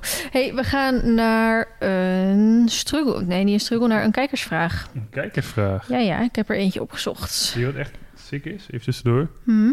Ik kreeg net een pushbericht van nu.nl. Oh, het, ik dacht dat je poezenbericht zei. Pushbericht. Poezenbericht. Nee, pushbericht. Pushbericht. Dat er in Zuid-Korea Meer in je microfoon. dat er in Zuid-Korea. Is dit beter? Ja. Bij een Halloweenfeest mensen in de verdrukking zijn geraakt. En er zijn al 120 doden. The fuck. Ja, Hoe dan? Hoe fucked up is het? Ga je lekker naar een Maar Halloweenfeest? verdrukking als in dat er gewoon, gewoon fucking veel mensen zijn en dat je helemaal geplet wordt. Ja, gewoon precies dat. Zo'n grote menigte dat er zeg maar niet meer gestopt kan worden. En dan, maar dat er is echt veel, opstopping is, 120. dat is echt heel veel. Holy shit. Ja, echt sick. Bizar. Ja, hè? Gewoon op straat. Dat zou echt heel veel... Hoeveel mensen waren er aanwezig dan? Zat er ook bij? 100.000. Oh, dat zijn wel echt heel veel. Gewoon op straat. En ja, bizar. Oké, nou dat was eventjes een gezellig tussendoortje. We gaan door. We gaan door. Lieve Verline, Esmee en eventuele andere gast. That's me. Ik ben een meisje van 14 jaar en heb vier maanden geleden zelf mijn eigen pony gekocht. Klinkt als ik. Ik heb eer... eh, Zeg, klinkt als mij. Klinkt als ik. Ja, hoe dit? Klinkt zoals ik. Ik weet niet. Ik heb eerst op de manege gereden, maar dat vond ik niet zo leuk. En heb toen een verzorgpony gehad en uiteindelijk toch maar besloten dat ik graag een eigen pony wilde. Ik vind het echt wel zo knap als je dit kan zeggen, zo op je veertiende, maar ik was precies zo. Maar helaas, mijn ouders hadden niet genoeg geld om een pony te kopen. Dus vanaf dat moment heel hard gaan werken en na tien maanden toch mijn eerste eigen pony gekocht. Nu mijn vraag. Ik zit ook nog op muziekles, wat mij twee keer per week drie uur kost. En dan Jezus, nog wat een heftige muziekles is dat. en dan nog elke dag oefenen. Ik doe tweetalig VWO. Dat is dan meer zoals Sjoerd. ja, binder. En ik moet dan elke dag naar mijn pony. En natuurlijk leren en huiswerk maken. Nu is dat allemaal gewoon te veel. Ik krijg te weinig slaap, ben zagrijnig op school en mijn cijfers gaan ook omlaag. Mijn pony kan ik echt niet wegdoen. Ik moet gewoon naar school en huiswerk en zo maken. Ik mag alleen ook niet stoppen met de muziek, want mijn vader zit ook op de muziek. En hij vindt het fantastisch als zijn dochter dat ook doet. Dus ik wil hem niet teleurstellen. maar ik weet echt niet meer wat ik moet doen. Ik kan zo echt niet meer verder, want ik ben zo moe dat ik vanaf 5 uur al in slaap val. Ik hoop dat jullie me kunnen helpen. Sorry voor het lange berichtje. Groetjes, beetje met beentje, anoniem graag. Oké. Ik zie hier een hele duidelijke oplossing. Nee, nee, het is geen oplossing. Maar eerst wat ik dan denk als ik het hoor is... Wil je zelf iets met die muziek? Of doe je het echt alleen voor je vader? En als het twee keer drie, drie uur in de week is... dan kan je in ieder geval heel veel verminderen. En je hoeft niet per se elke dag te oefenen.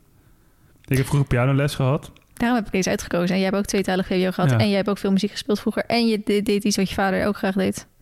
Ja. En ik ook, eigenlijk. Maar ik heb vroeger pianoles gehad, maar dat was dan één keer in de week een half uur.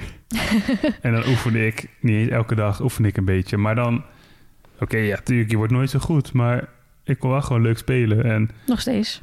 ja, het is wel... Ja, maar je kan het nog ik- steeds. ja, oké. het is wel echt heel ver weggezakt, maar je kan het gewoon nog steeds. Ja. En ik, het is wel zonde eigenlijk dat het zo weggezakt is. Maar om het bij te houden heb je echt niet zoveel les nodig. En hoef je echt niet zoveel te oefenen. Dus als het erom gaat dat je vader het leuk vindt dat je speelt, dan kan dat toch ook op een iets meer, iets lager niveau. Weet je wel? Mhm. het, het hoeft niet zoveel te zijn, lijkt mij. Nee. Nee, en dan inderdaad op het feit van... wil je er zelf echt iets mee gaan doen? Of niet? Want ik snap wel dat je je vader niet wil teleurstellen. Maar ja, ik heb het gehad met eh eh maritiem officier. Ik was Mhm. dus ietsjes ouder. Ik was 17, 18. Eh, mijn vader zat ook in de scheepvaart, maar dan net iets anders. Die, eh, daar ga ik niet te diep op in, maar die vond in ieder geval ook heel leuk dat ik maritiem officier ging doen. En ik ging natuurlijk toen uiteindelijk beslissen dat ik het niet meer wilde. En mijn vader die vond het natuurlijk best wel vervelend. Ehm, maar ja, uiteindelijk als ik het niet wil, dan eh, heeft hij weinig te zeggen.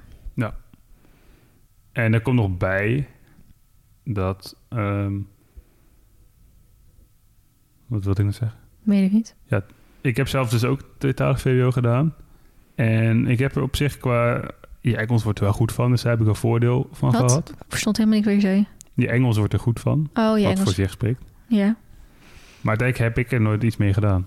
Zou ik mij gewoon HBO gaan doen. En, Oh, op die manier. dus ik merk nu wel bij, bij mijn werk, omdat eh, ik, ik communiceer veel in het Engels. Maar dat is met bijna allemaal mensen waarvan Engels niet de moedertaal is. Hmm. Dus dat gaat al op een veel lager niveau dan je leert op tweetalig. En als ik op mijn werk met documentatie schrijf nadat ik een klus gedaan heb of zo, ja, dan ga ik dat niet in mooie Engelse volzinnen typen, want dat snappen mensen toch niet als ze het lezen. Dus ik doe er eigenlijk doe ik er helemaal niks mee. Dus ik, dat is misschien ook nog iets dat je gewoon kritisch moet nadenken van wat zijn, als je dat ook kan op je veertiende, want niet Mhm. iedereen weet dan al wat ze wil. Mhm. Maar ja, ga je iets doen met die tweetalig? Is het het waard om die extra tijd en energie erin te stoppen? Ja, dat is ook wel een goeie. Of is, ik bedoel, gewoon VWO is ook supergoed. Ja. En op gebied van je paard wel of niet weg. ehm, dat moet je natuurlijk ook voor jezelf beslissen. Dat weet ik niet. Want je paard is dan meer zoiets van dat je hoeft niet. ehm, te stoppen met je paard als je niet ook nog iets in de paardensport of, of daar iets met je beroep van wil maken. Dus eh, want je paard kan ook gewoon afleiding zijn, plezier zijn, Ja, hobby zijn. Net zoals zijn. muziek, dat natuurlijk Ja. ook. Ehm, dus als je heel veel stress ervaart, maar je ehm, komt tot rust bij je paard, dan zou ik die niet zo snel wegdoen, inderdaad. Nee, en je kan natuurlijk ook nog hulp zoeken. Misschien is er een vriendin die twee dagen in de week je paard wil doen. Ja, verzorgstertje of iets in die Precies. richting, inderdaad. Je hoeft, niet, je hoeft het niet allemaal alleen te doen. Nee, Dus dat zijn onze drie tips. Ja. Minder muziek. Zoek iemand om je te helpen bij je paard. En denk na of je tweetalig wil doen. ja, goeie babe. Mhm. Lekker bezig. To the point. Ehm, we gaan naar tip, ontdekking of quotes. Oké. Heb jij iets? Ik wel, twee dingen. Ehm, heb ik iets? Denk, nee, ik kan zo gauw nu niet iets, op iets komen. Misschien Ik zo meteen. Ik heb twee dingen. Oké, gooi het. Mijn ontdekking is, en mensen gaan me echt haten dat ik dit zeg, is de website Horselet. Dus horse, streep, ja, niet, niet, niet streepje, volgens mij gewoon Horselet, van, zo van Outlet. Dat is een outletwinkel van Piers of Sweden, als ik het goed zeg. Ehm, waar je dekjes en baselayers en allemaal dat soort dingen voor echt achterlijk veel korting kan krijgen. Ehm, die meiden van YouTube Weekje, die eh, hebben gisteren met z'n allen een bestelling gedaan. En het is echt lachwekkend gewoon hoeveel Is het al bezorgd? Nee, joh, dat, wordt, dat duurt eventjes. Ik geloof het pas als bezorgd Dat is goed. Dat is prima. Maar ze hebben eerder daar dingen besteld. En er is ook een heel boktopic van. Ze hebben een bestelling gedaan die bij elkaar... Ik even de goede zoeken. 1000 euro en 446 euro zou zijn. En ze hebben er in die end 153 euro voor betaald. Dat is echt bizar.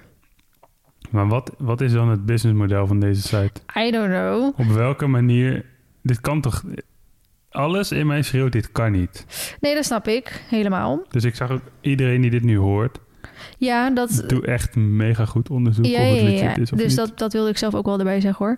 Maar ehm, een paar van die meiden hebben eerder iets op deze website besteld. En het komt altijd gewoon aan. Dus zij hebben dat echt al een soort van geprobeerd getest. Eh, vandaar dat ze dit dan wel durven uitgeven. En anders is het toch maar een paar tientjes. En, ehm, maar inderdaad, het is een beetje... Ja, ik, kijk, aan de ene kant wil ik zeggen van... Zij, zij hebben het wel geprobeerd. Je, je krijgt gewoon je bestelling thuis. Eh, maar aan de andere kant wil ik inderdaad niet dat als mensen denken, oh, dat ga ik ook doen, want Vliene zegt dat. En dat zij straks dan toch, eh, hoe heet dat, worden? Opgelicht. Opgelicht worden, dat ze dan mij de schuld geven. Weet je wel? Dus doe net wel gewoon je eigen research. Er is zo'n boktopic over. Misschien, wellicht haten mensen mij nu dat ik dit zeg, want het is een soort, ik weet niet of het echt een geheim is, weet je wel, dat maar een paar mensen hiervan af weten. En dat ze niet willen dat veel mensen het weten, want dan gaat iedereen er bestellen en zo. Maar je kan heel veel, ehm, natuurlijk oude collecties van Piers of Sweden daar voor echt ziek weinig geld krijgen. Dus dat is best wel cool. Maar weet je wat ik me afvraag, hè? Mhm. Als die, dat bedrijf van die outlet... Als die de dubbele prijs hadden gerekend... Dat die mij de 300 euro hadden moeten betalen... Mhm. Nou, dat is het nog steeds gekocht. Mhm. En als ze drie keer de prijs hadden gerekend... Dan niet, denk ik.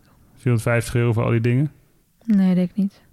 Maar ik, ik denk gewoon, dit is zo laag. Wa- waarom zou je dit doen? Ja, dat heb ik ook niet, schatje. Maar, ik snap het eh, gewoon niet. Ik kan er nee. niet bij bij mijn hoofd. Ehm, dat was mijn tip 1. Mijn tip 2 is beverbende. we hebben het helemaal niet over onze vakantie gehad. Nee, dat kunnen we nog wel doen. We hebben echt zo achterlijk veel spelletjes gespeeld deze nou, week. en vooral beverbende. Beverbende, echt. Dat spel is gewoon, die kaarten nu al versleten. We hebben het- Ja, we hebben zoveel gedaan. We hadden echt een hele tas vol met spelletjes. En we hebben wel geteld vier spellen aangeraakt. Eh, Bonanza, ook Bonanza, aanrader. ook een aanrader. Saboteurs, Saboteurs. iets minder aanrader, maar Leuk voor de afwisseling. leuk voor de afwisseling als je genoeg mensen hebt. Ja. En Uno, ook Ja. leuk. Ook wel leuk voor de afwisseling. Ja. ja. En het mooie van die spelletjes is ook dat het allemaal van die pocket eh, Ja. versies En we zijn. hadden ook allemaal grote dozen meegenomen. 30 Seconds en En Dixit. Dictionary en Dixit. En allemaal niet aangeraakt. Nee, maar dat komt ook wel, want de, de rest van het gezelschap dat niet zo leuk vond. Anders hadden wij dat zeker wel gespeeld. Ja. Ja, die waren een beetje partypoepers. Ja, die willen liever wat simpelere spelletjes. Zeker omdat we het je moeder bijvoorbeeld allemaal weer opnieuw moesten leren. En eh, Noem jij mijn moeder nou simpel? nee, maar meestal... Je vader doet daar allemaal niet mee met al die spellen. Nee, Nee, precies. Die zegt op voorhand over, oh, dat ken ik niet, dat wil ik niet spelen. mijn vader is precies zo. Ja, die zegt dan ook van, vaderding, ik ken ik. het niet, dus laat maar zitten. Misschien ben ik dat ook over 30 jaar. Nee, we gaan vaak veel spelletjes met onze kinderen spelen. Misschien wel. Maar ehm Beverbende, ja, we gaan het natuurlijk niet helemaal uitleggen en zo. Heel veel mensen zullen het ook vast wel kennen, misschien mensen niet. Maar Beverbende is dus een spel en dat is fantastisch. Saboteurs is dus ook leuk. Eh, Uno, dat is al best wel een bekend spel, maar dat hadden wij eigenlijk nog nooit gespeeld. Die hebben we dus eh, ook gekocht en die is ook wel leuk. En eh welke was eh, Bonanza. Die hadden voor het eerst bij je zus Ja, Die Thomas gespeeld. en Die is ook wel leuk. Ja. Ik zou niet Bonanza heel de week kunnen spelen. Nee.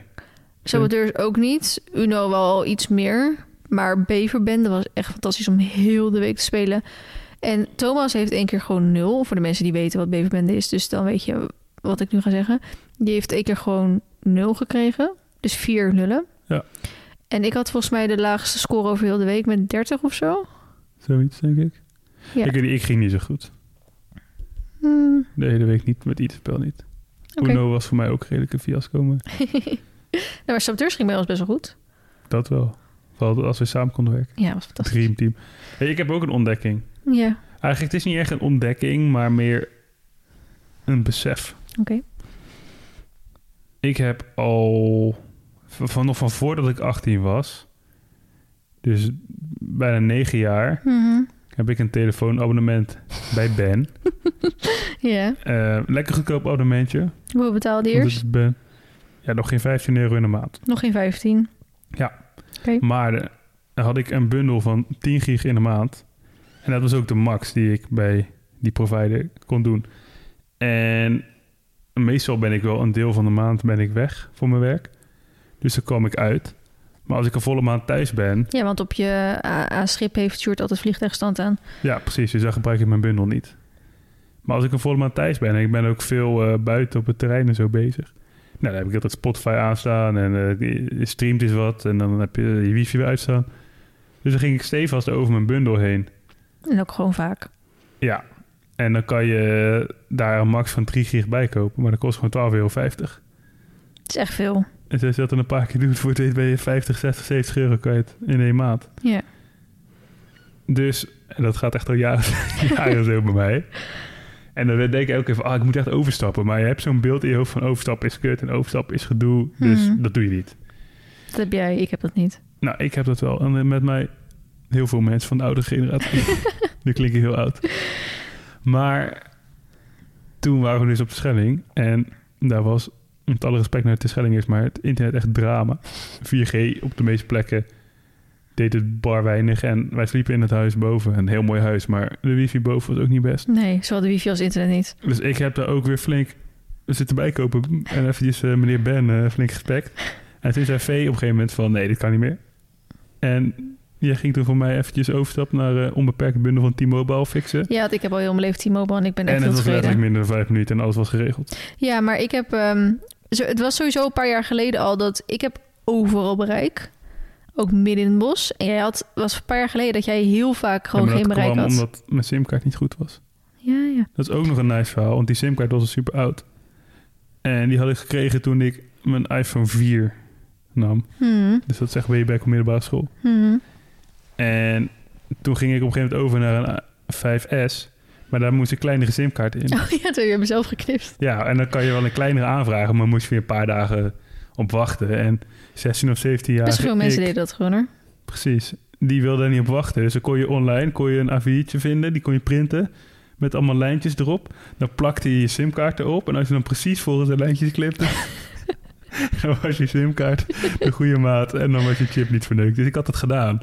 En dat was, ja, 95% goed gegaan, want hij deed het. Hmm. Maar er waren dus random momenten dat hij zei dat ik gewoon bereik had. En dan deed hij niks. En dan moest ik even de telefoon uit de vliegtuigstand en weer terug. En dan werkte hij weer. Maar ja, Toen dat zei ik al, je best moet gewoon overstappen. En daar heb ik ook echt twee jaar mee gedaan. Hmm. En toen was ik er laatst... Was ik er... Nee, hè? Wacht, ik heb er twee jaar mee gedaan. Toen ging ik naar een andere telefoon. Toen was het probleem minder. En toen ging ik naar mijn nieuwe telefoon toe. Die paste je niet meer, toch? Nee, toen was het weer echt super kut. Dus toen heb ik maar gewoon een nieuwe Oh. simkaart besteld. En was ook gelijk opgelost. Ja, precies. Fun fact is ook dat toen mijn vader jaren terug naar zijn iPhone 6 ging... toen heb ik ook zijn simkaart gedaan. die deed toen helemaal niet meer. maar dat was een werksimkaart die hij ook gewoon nodig had. Dus toen was hij voor zijn werk niet meer bereikbaar. Sorry. Maar goed, ik heb nu dus al jarenlang betaal ik eigenlijk een, periode, een bepaalde periodes veel te veel voor mijn abonnement. En dat komt nu dan eindelijk ten einde. Ja, dus ik had... ehm, hij was weer aan het klagen erover. Dus ik had gewoon even snel gegoogeld hoe je dat deed. En eigenlijk zag het er heel simpel uit. Dus toen was ik gewoon naar T-Mobile gegaan. En toen vroeg ik een SIM-only aan. En alles voor short ingevuld. En toen was hij voor onbeperkt bellen en onbeperkt En internet 25 euro. 25 dus dat kwijt. meer, maar over het hele jaar gezien Ja. scheelt het echt veel. En eh, wellicht zullen er absoluut eh Lebera of zo, weet ik veel. Het zijn allemaal volgens mij hele goedkope eh, Lebaren. Maar kijk, mijn moeder zit ook bij Ben. Maar die gebruikt echt 10 MB in de maand of zo. Ja. Dus dan is het prima. Ja, maar maar je hebt- voor mij was het eigenlijk gewoon helemaal niet meer geschikt. Ik bedoelde meer te zeggen, je hebt ook eh, waarschijnlijk goedkopere pro- providers. Oh, zo, ja, misschien wel. Maar ik zit daar gewoon al heel lang en ik ben heel tevreden over. En ehm, volgens mij, omdat ik erbij zit, kreeg je ook nog een beetje korting, dacht ik. Dus toen ehm, was het letterlijk gewoon zo op één druk op de knop, nummer behouden, klaar. En toen kreeg jij een paar uur later of een dag later of zo'n sms'je van T-Mobile. Toch? Oh nee, van Ben? Nee, wat Van kreeg je? allebei. Ik kreeg een sms van T-Mobile echt vlak daarna van... eh, je nummer behoud aanvraag is opgestuurd naar je huidige provider, zoiets. Mhm. En echt twee uur later een bericht van Ben dat die goedgekeurd was. En dat was het. En that's it. Toen dacht ik van, Oh ja, dat, op welke je datum je... op welke datum je abonnement bij Ben opgezegd werd... en dat vanaf dan je T-Mobile. Ja. Dus eh, het was echt op internet, we, binnen vijf minuten waren we er doorheen. En voor de rest ging T-Mobile en Ben ging het samen uitzoeken. Ja. Dat was echt fucking makkelijk. Ja, dus dat is mijn tip. Kijk eens kritischer naar of je niet te veel betaalt met al je abonnementen. Hmm, Dus dat is een... Was het mijn ontdekking? Of hoe noemen we dit? tip. Tip en ontdekking dat dit dus veel makkelijker is dacht. Oké. Maar Maar dit alles gebeurde op de Schelling. ja, Vertel even wat je vond van de Schelling. ja ik, eh, misschien heb je het op mijn privé-insta, Vlienenvo, al gelezen. Maar ik ben een beetje verliefd geworden op de Schelling. Een beetje. Weet je? En hoe komt dat? Ik vind het echt een heel nice eiland. Wij zijn... eh, jij bent er sowieso een paar keer geweest. Sjoerd's ouders die hadden vroeger een eh, zeiljacht. En die ja, gingen... jacht, zeilboot. Nee, je noemt het zeiljacht.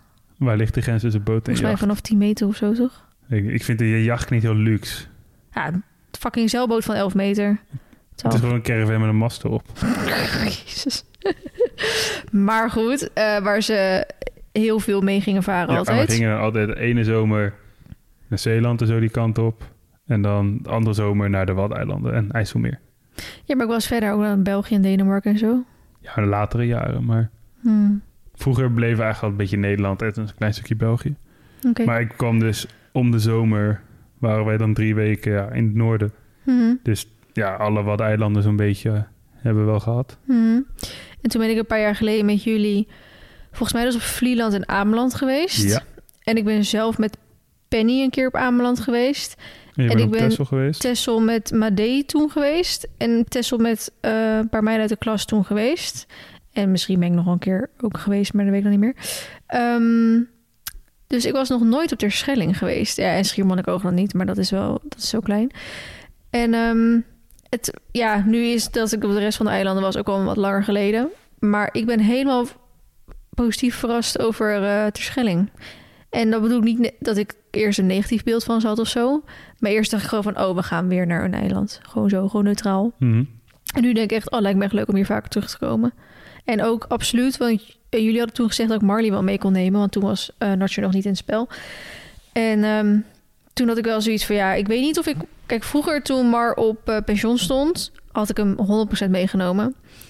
Eh, maar nu staat hij gewoon thuis in zijn fijne kuddetje, Mhm. weet je wel. En als ik hem dan meeneem, dan doe ik het echt voor mijn eigen plezier. Ja, daar doe je hem echt geen plezier mee. Ik weet niet of ik Mar daar inderdaad het plezier... Want Hm. dan staat hij gewoon in zijn eentje. Plus die reizen heen met trailer en ja, op de boot. op een en- vreemde plek. Ehm, weet ik niet of ik inderdaad hem daar echt nog een plezier mee ga doen. Ik denk dat hij dan het leuker vindt om lekker thuis met zijn meiden te zijn. Dus toen had ik die keuzes gemaakt meer voor Mar. Ehm, toen kwam Nacho in spel. En toen dacht ik, oh, maar dan is het misschien wel leuk om Mar en Nacho mee te nemen. Nou, die liggen natuurlijk, natuurlijk op het moment elkaar nog niet fantastisch. Het gaat echt wel een heel stuk beter. Ehm, maar ja, het idee was natuurlijk dan dat eventueel Sjoerd dan bijvoorbeeld op Nacho kon gaan. En Sjoerd is daar natuurlijk gewoon nog niet klaar voor. Nacho, Nacho ook zelf niet. ook niet. Dus toen ook zoiets, weet je, we laten ze lekker thuis. Kan als je nog even bijkomen.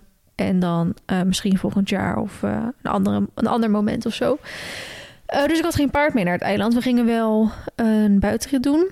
Ja. En ook een huifkartocht. En dat was allebei heel erg leuk. En eigenlijk nog voordat we die buitenrit gingen doen... En want we, op dat eiland doe je alleen maar fietsen. Ik heb echt nog nooit zoveel gefietst als sinds mijn middelbare schooltijd. Ehm, viel het me op hoe mega veel ruiterpaden er zijn. En, mooie ook- paden ook. en mooie paden ook. Want eh, ik ben ook best wel vaak met Mar op het strand geweest. Maar de paden in de duinen zijn altijd super zwaar. Dus daar kan je eigenlijk niet zoveel mee. En op het strand rijden zelf is ook leuk om even één of twee glopjes heen en weer te doen. Ben je er ook wel een beetje klaar mee. Dus als wij ergens heen gingen, probeerden we altijd wel een, een gebied te vinden... waar je ook nog een beetje in duinen met misschien een stukje bos leuk kon rijden. Maar zoals ik zei, in de duinen is het vaak gewoon heel erg zwaar. En nu viel het op dat het eigenlijk echt goede... Misschien ook een beetje tijd van het jaar. Misschien is in de zomer is het in iets anders. wel slechter is, ja. Maar ik denk ook niet dat je daar met een paard in de zomer wil komen met eh, hoe druk het al met qua is.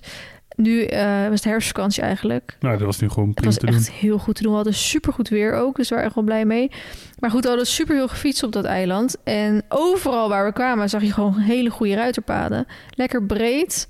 Le- ook leuk, weet je wel. Een eh, heel erg afwisseling tussen gewoon landweggetjes, bos, ehm, Duinen, duinen. heide, nou, en de prachtige stranden natuurlijk.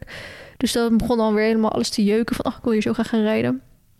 Dus het lijkt me heel erg leuk om daar een keer terug te gaan. Dus sowieso op dat gebied, kijk, als je leuk kan paardrijden... dan ben ik eigenlijk al heel snel tevreden. Maar ook wel gewoon over het eiland zelf. Eh, leuke dingen te doen. Ja. Eh, wat hebben we allemaal gedaan? Wat hebben we allemaal Eh, gedaan? we kwamen op zaterdag aan. Zondag zijn we uit eten geweest. Ja, toen hebben we zondag hebben we alleen gewoon zelf gefietst, gefietst. ja, over de oostkant. Ja, we zijn naar de oostkant geweest. Maandag En, hebben we eh, eh, eco-tour gedaan. was dat maandag al? Ja. Oké, ja, dat we gingen met, eh, met een gids in elektrische autootjes. Ja, een deel van het eiland over door de natuur. En die legde dan gewoon uit over hoe het allemaal werkte. Ja. En we hebben we hadden niet heel veel geluk met de dieren die we gespot hebben. Een paar grote roofvogels, Hm. een haas en een geiten. Ja. dat was dat een beetje. ja, een dode zeehond. Oh nee, die hebben we met de huifkartocht gezien. Ja. Toen op ehm, dinsdag gingen we dus huifkartocht doen. Ja. Was ook leuk, alleen eh, wij hadden bijna dezelfde route toen ook al dus die eh, zondag gefietst. ja, en dus- de Eco Safari had ook deels overlap met die route. Ja, precies. Dus- Maar dat was misschien ook een beetje... Ja, ik weet niet of het echt onze fout was, maar al die excursies, die Huifkar en die X-Fi, die vertrokken ook vanaf min of meer hetzelfde punt. Ja. Dus achteraf hadden we het misschien wel kunnen weten. Ja, ja, ik heb eigenlijk totaal niet bij dit stilgestaan. Maar, Maar, goed, dus, die Huifkar die ging wel weer het strand op en die X-Fi niet. nee, dat is... En toen zagen we een dode zeehond, dus dat was Ja. super nice.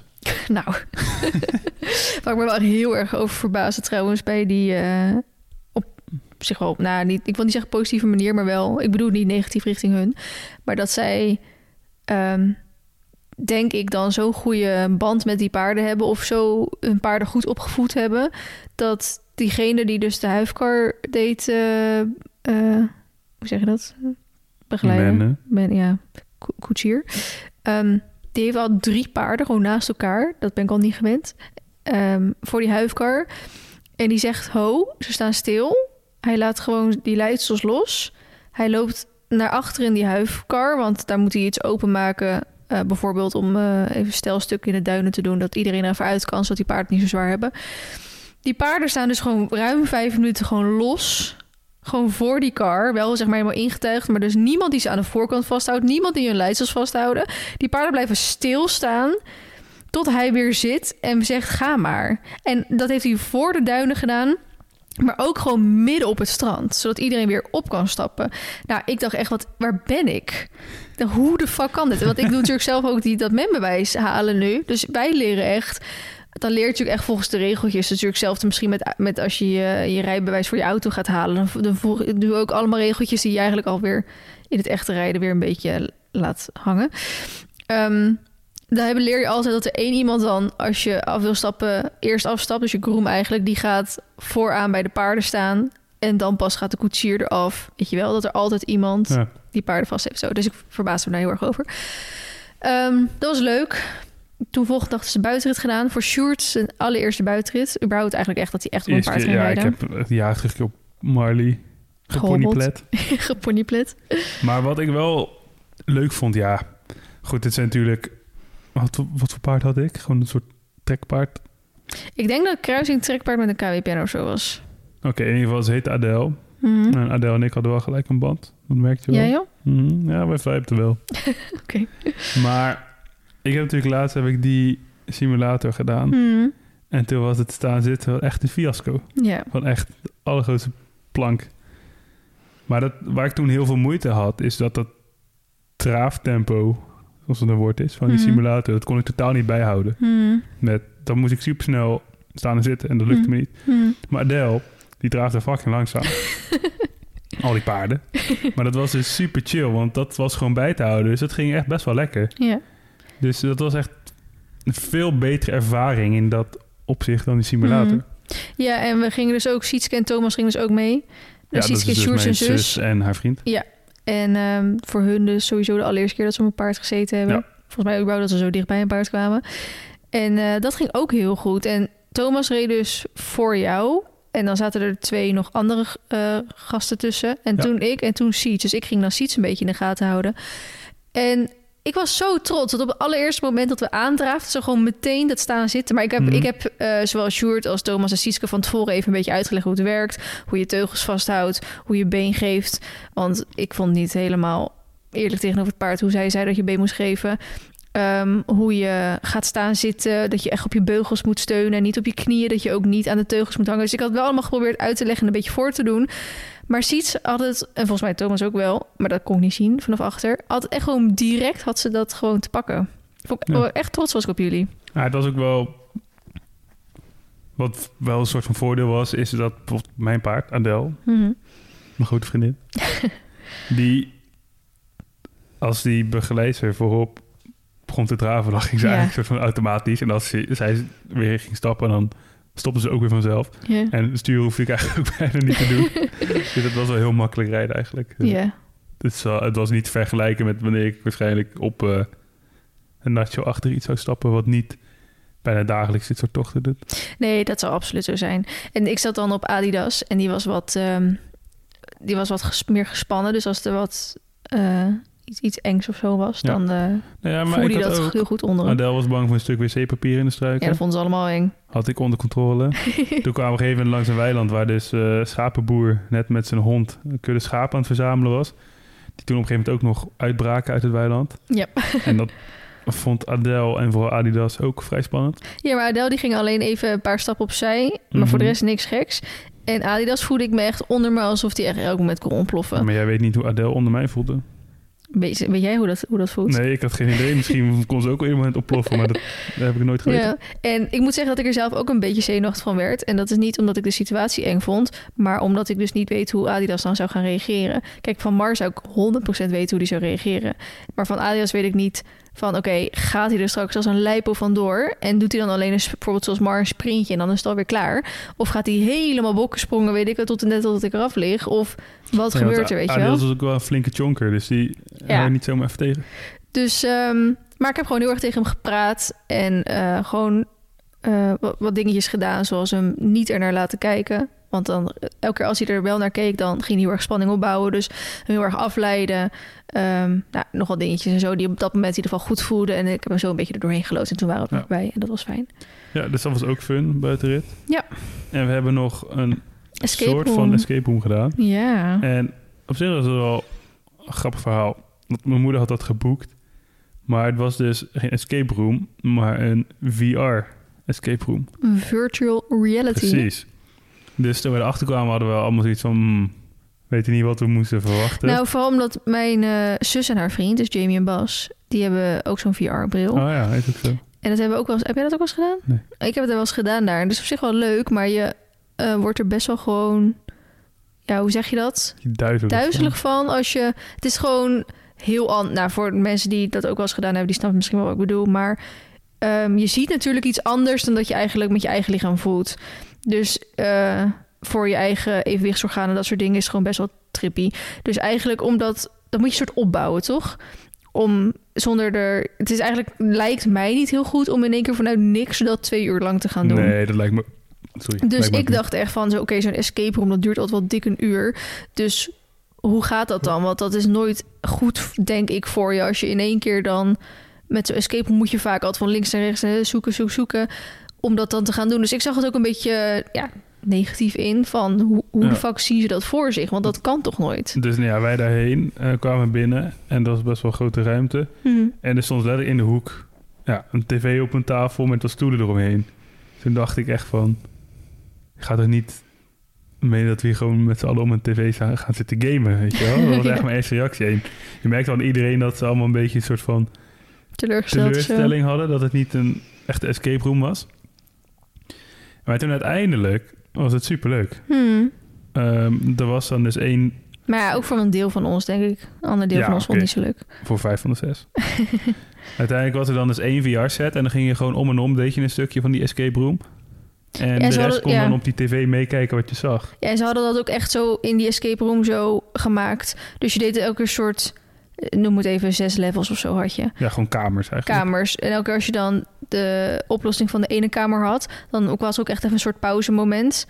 Eh dat de tijd volgens mij ook ja, even... bij de tijd stopgezet stop- en dan kon je even wisselen. En dan kon je even wisselen Ja. en dan kon de volgende weer. En dan konden inderdaad mensen op tv dus zien wat jij door je VR-bril ja, en je kon ook een beetje aanwijzingen geven. Want zes Ja. mensen zien meer dan één.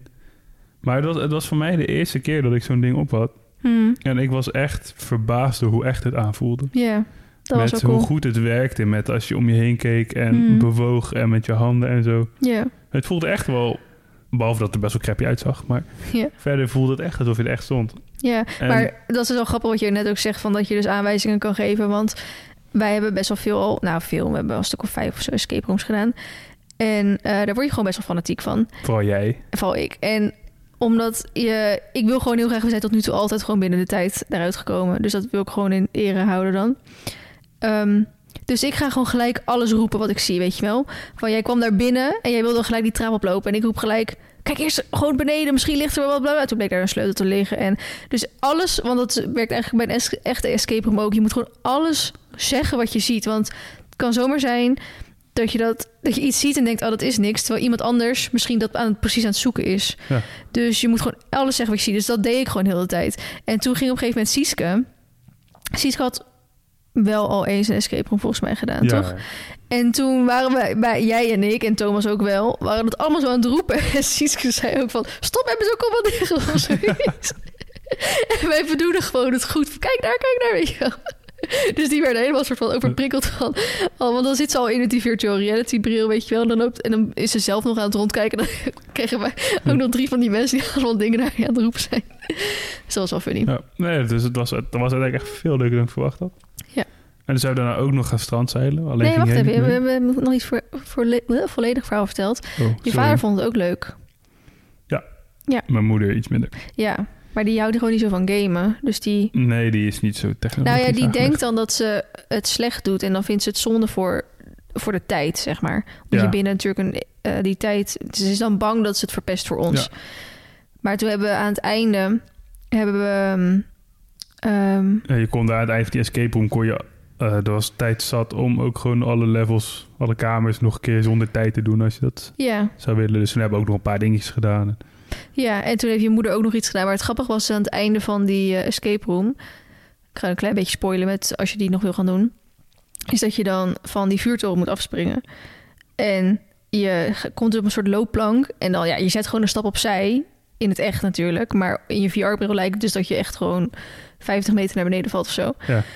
En ehm, het stomme is, het lijkt bijna alsof je zeg maar in zo'n bioscoopstoel zit... die dan tijdens zo'n film gaat trillen in één keer of zo, weet je wel. Maar dat kan niet. Die, dit is gewoon dat, puur dat is een heel, optisch ging je vallen. En Ja. ik voelde het door heel mijn lichaam dat ik viel. Ja, het voelde zeg maar bij mij... Ik voelde het alsof mijn lichaam zich schrap zette voor de klap die komen Ja. ging. Ja. Ik voelde echt mijn benen helemaal Ja. samen. Het was heel raar. Ik had het toen ik van die plank af, afsprong niet, want ik kon wel goed nadenken. Ik sta gewoon op de Ja, grond, dus ik hoef niet bang te de zijn. Maar toen ik kwam. die de grond dichtbij kwam, was in dat je lichaam aan het, wat je precies net zei. En ik dacht echt van, what the fuck? Dat is heel raar. Dat was heel raar. Jij had precies hetzelfde. En jouw moeder had het ook, maar die ging dus helemaal trippen daarop. Ja, dat, we hadden het, dus eigenlijk wilden ze dat ding überhaupt niet op. Dus we hadden Mhm. het overtuigd van, ja, probeer het in ieder geval eventjes. Dus nou, zij dat ook doen. En zij ook van die, van die plank afgestapt. Mhm. En eh, ze lag bijna op de grond. ja. Viel bijna om van de, Ja, Ja. niet echt schrik, maar... Nee, maar wat wat natuurlijk ook wel zo is, jouw moeder die ging gelijk dat doen met die VR-bril. Wij hadden natuurlijk allemaal andere Ja, dingen precies. eerst gedaan. Dus dat was voor haar gelijk soort van de eerste ervaring. Ja, dat was achteraf misschien niet het beste idee om dan die te doen. Nee, maar goed, dat was wel grappig. We hebben een leuk filmpje daarin over. Dat zeker. Maar dit is een podcast, dus mensen zullen het nooit zien. Nee. Dat zullen haar ook niet aandoen. Nee, en we mogen dit ook niet online zetten van er. Ehm, daarna in de middag hebben jullie nog inderdaad geblokerd, heet dat toch?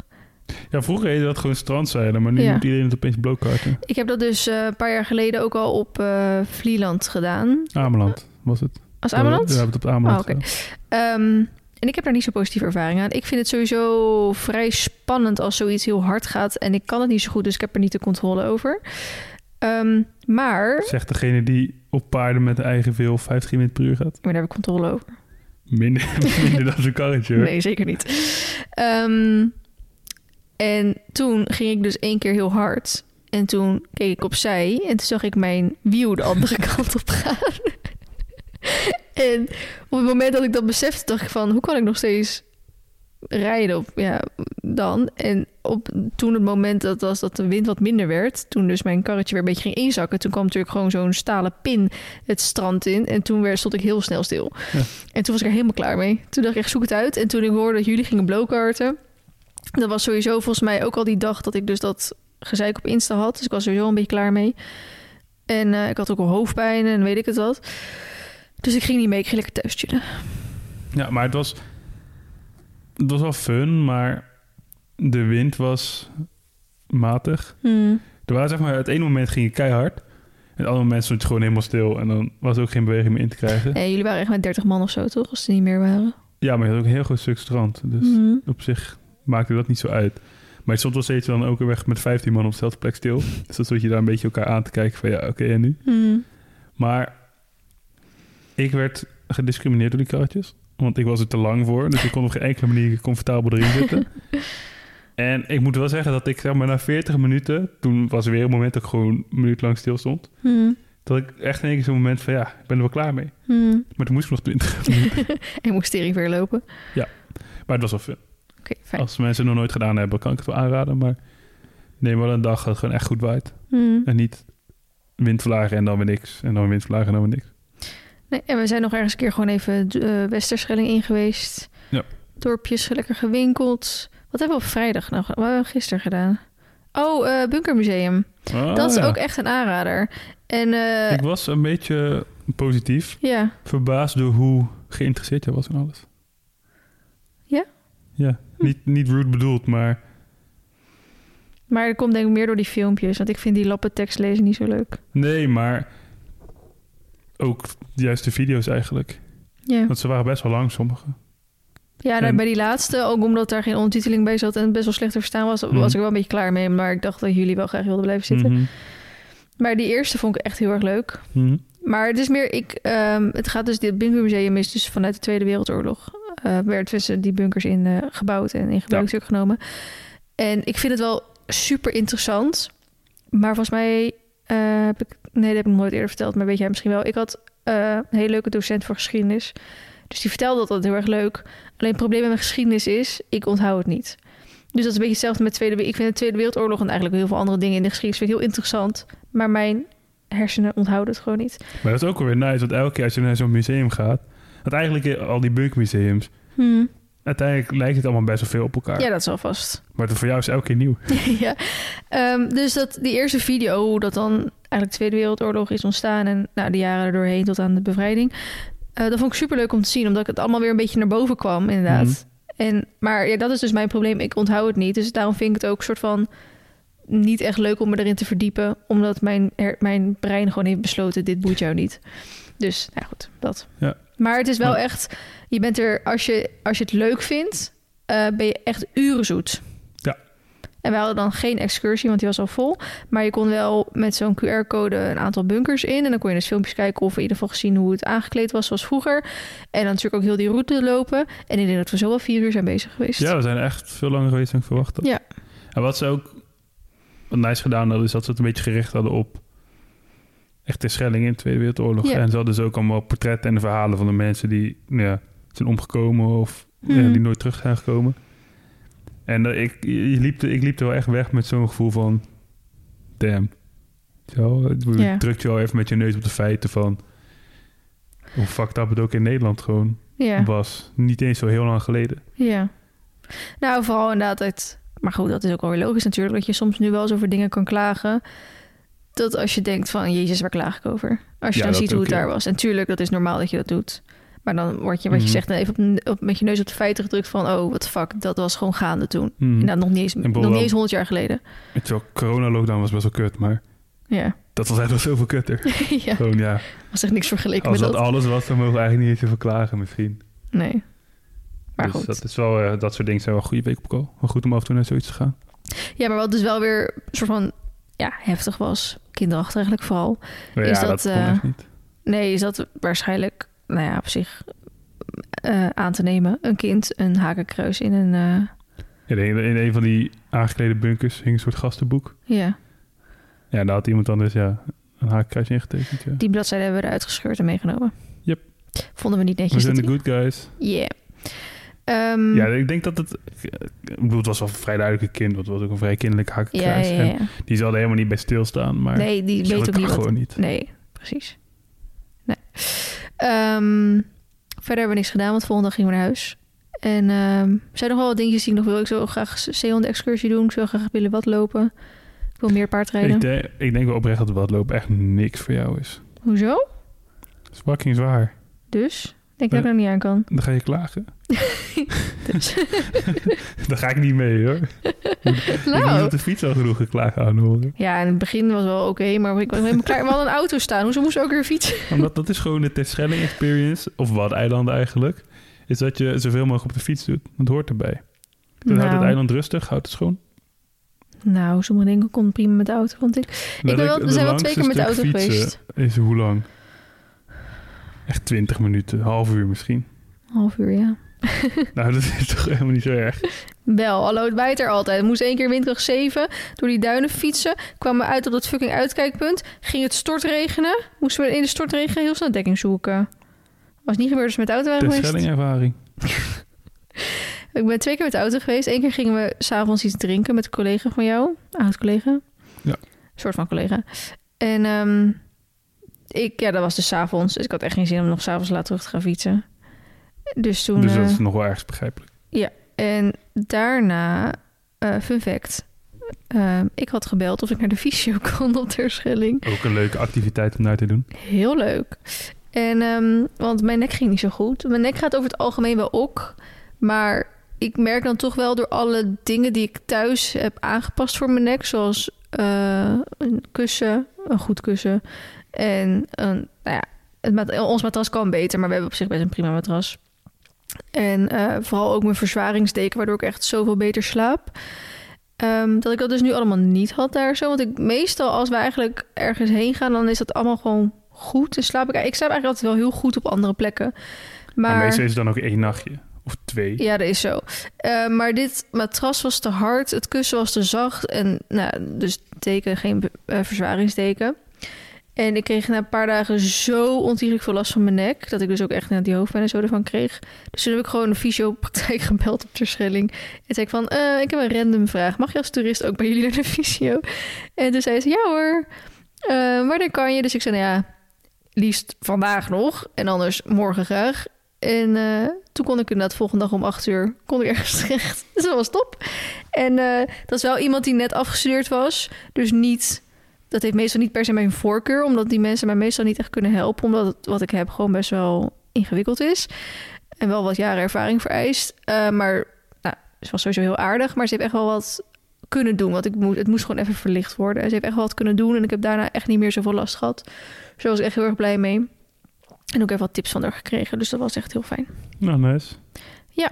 Dus geef even samenvattend een tip en een top voor de Schelling. Een tip en een top. Tip voor Terschelling is minder wind. Ik denk dat ze daar weinig aan kunnen doen. minder wind, alsjeblieft. Eh, mijn top is eh, de zonsondergangen.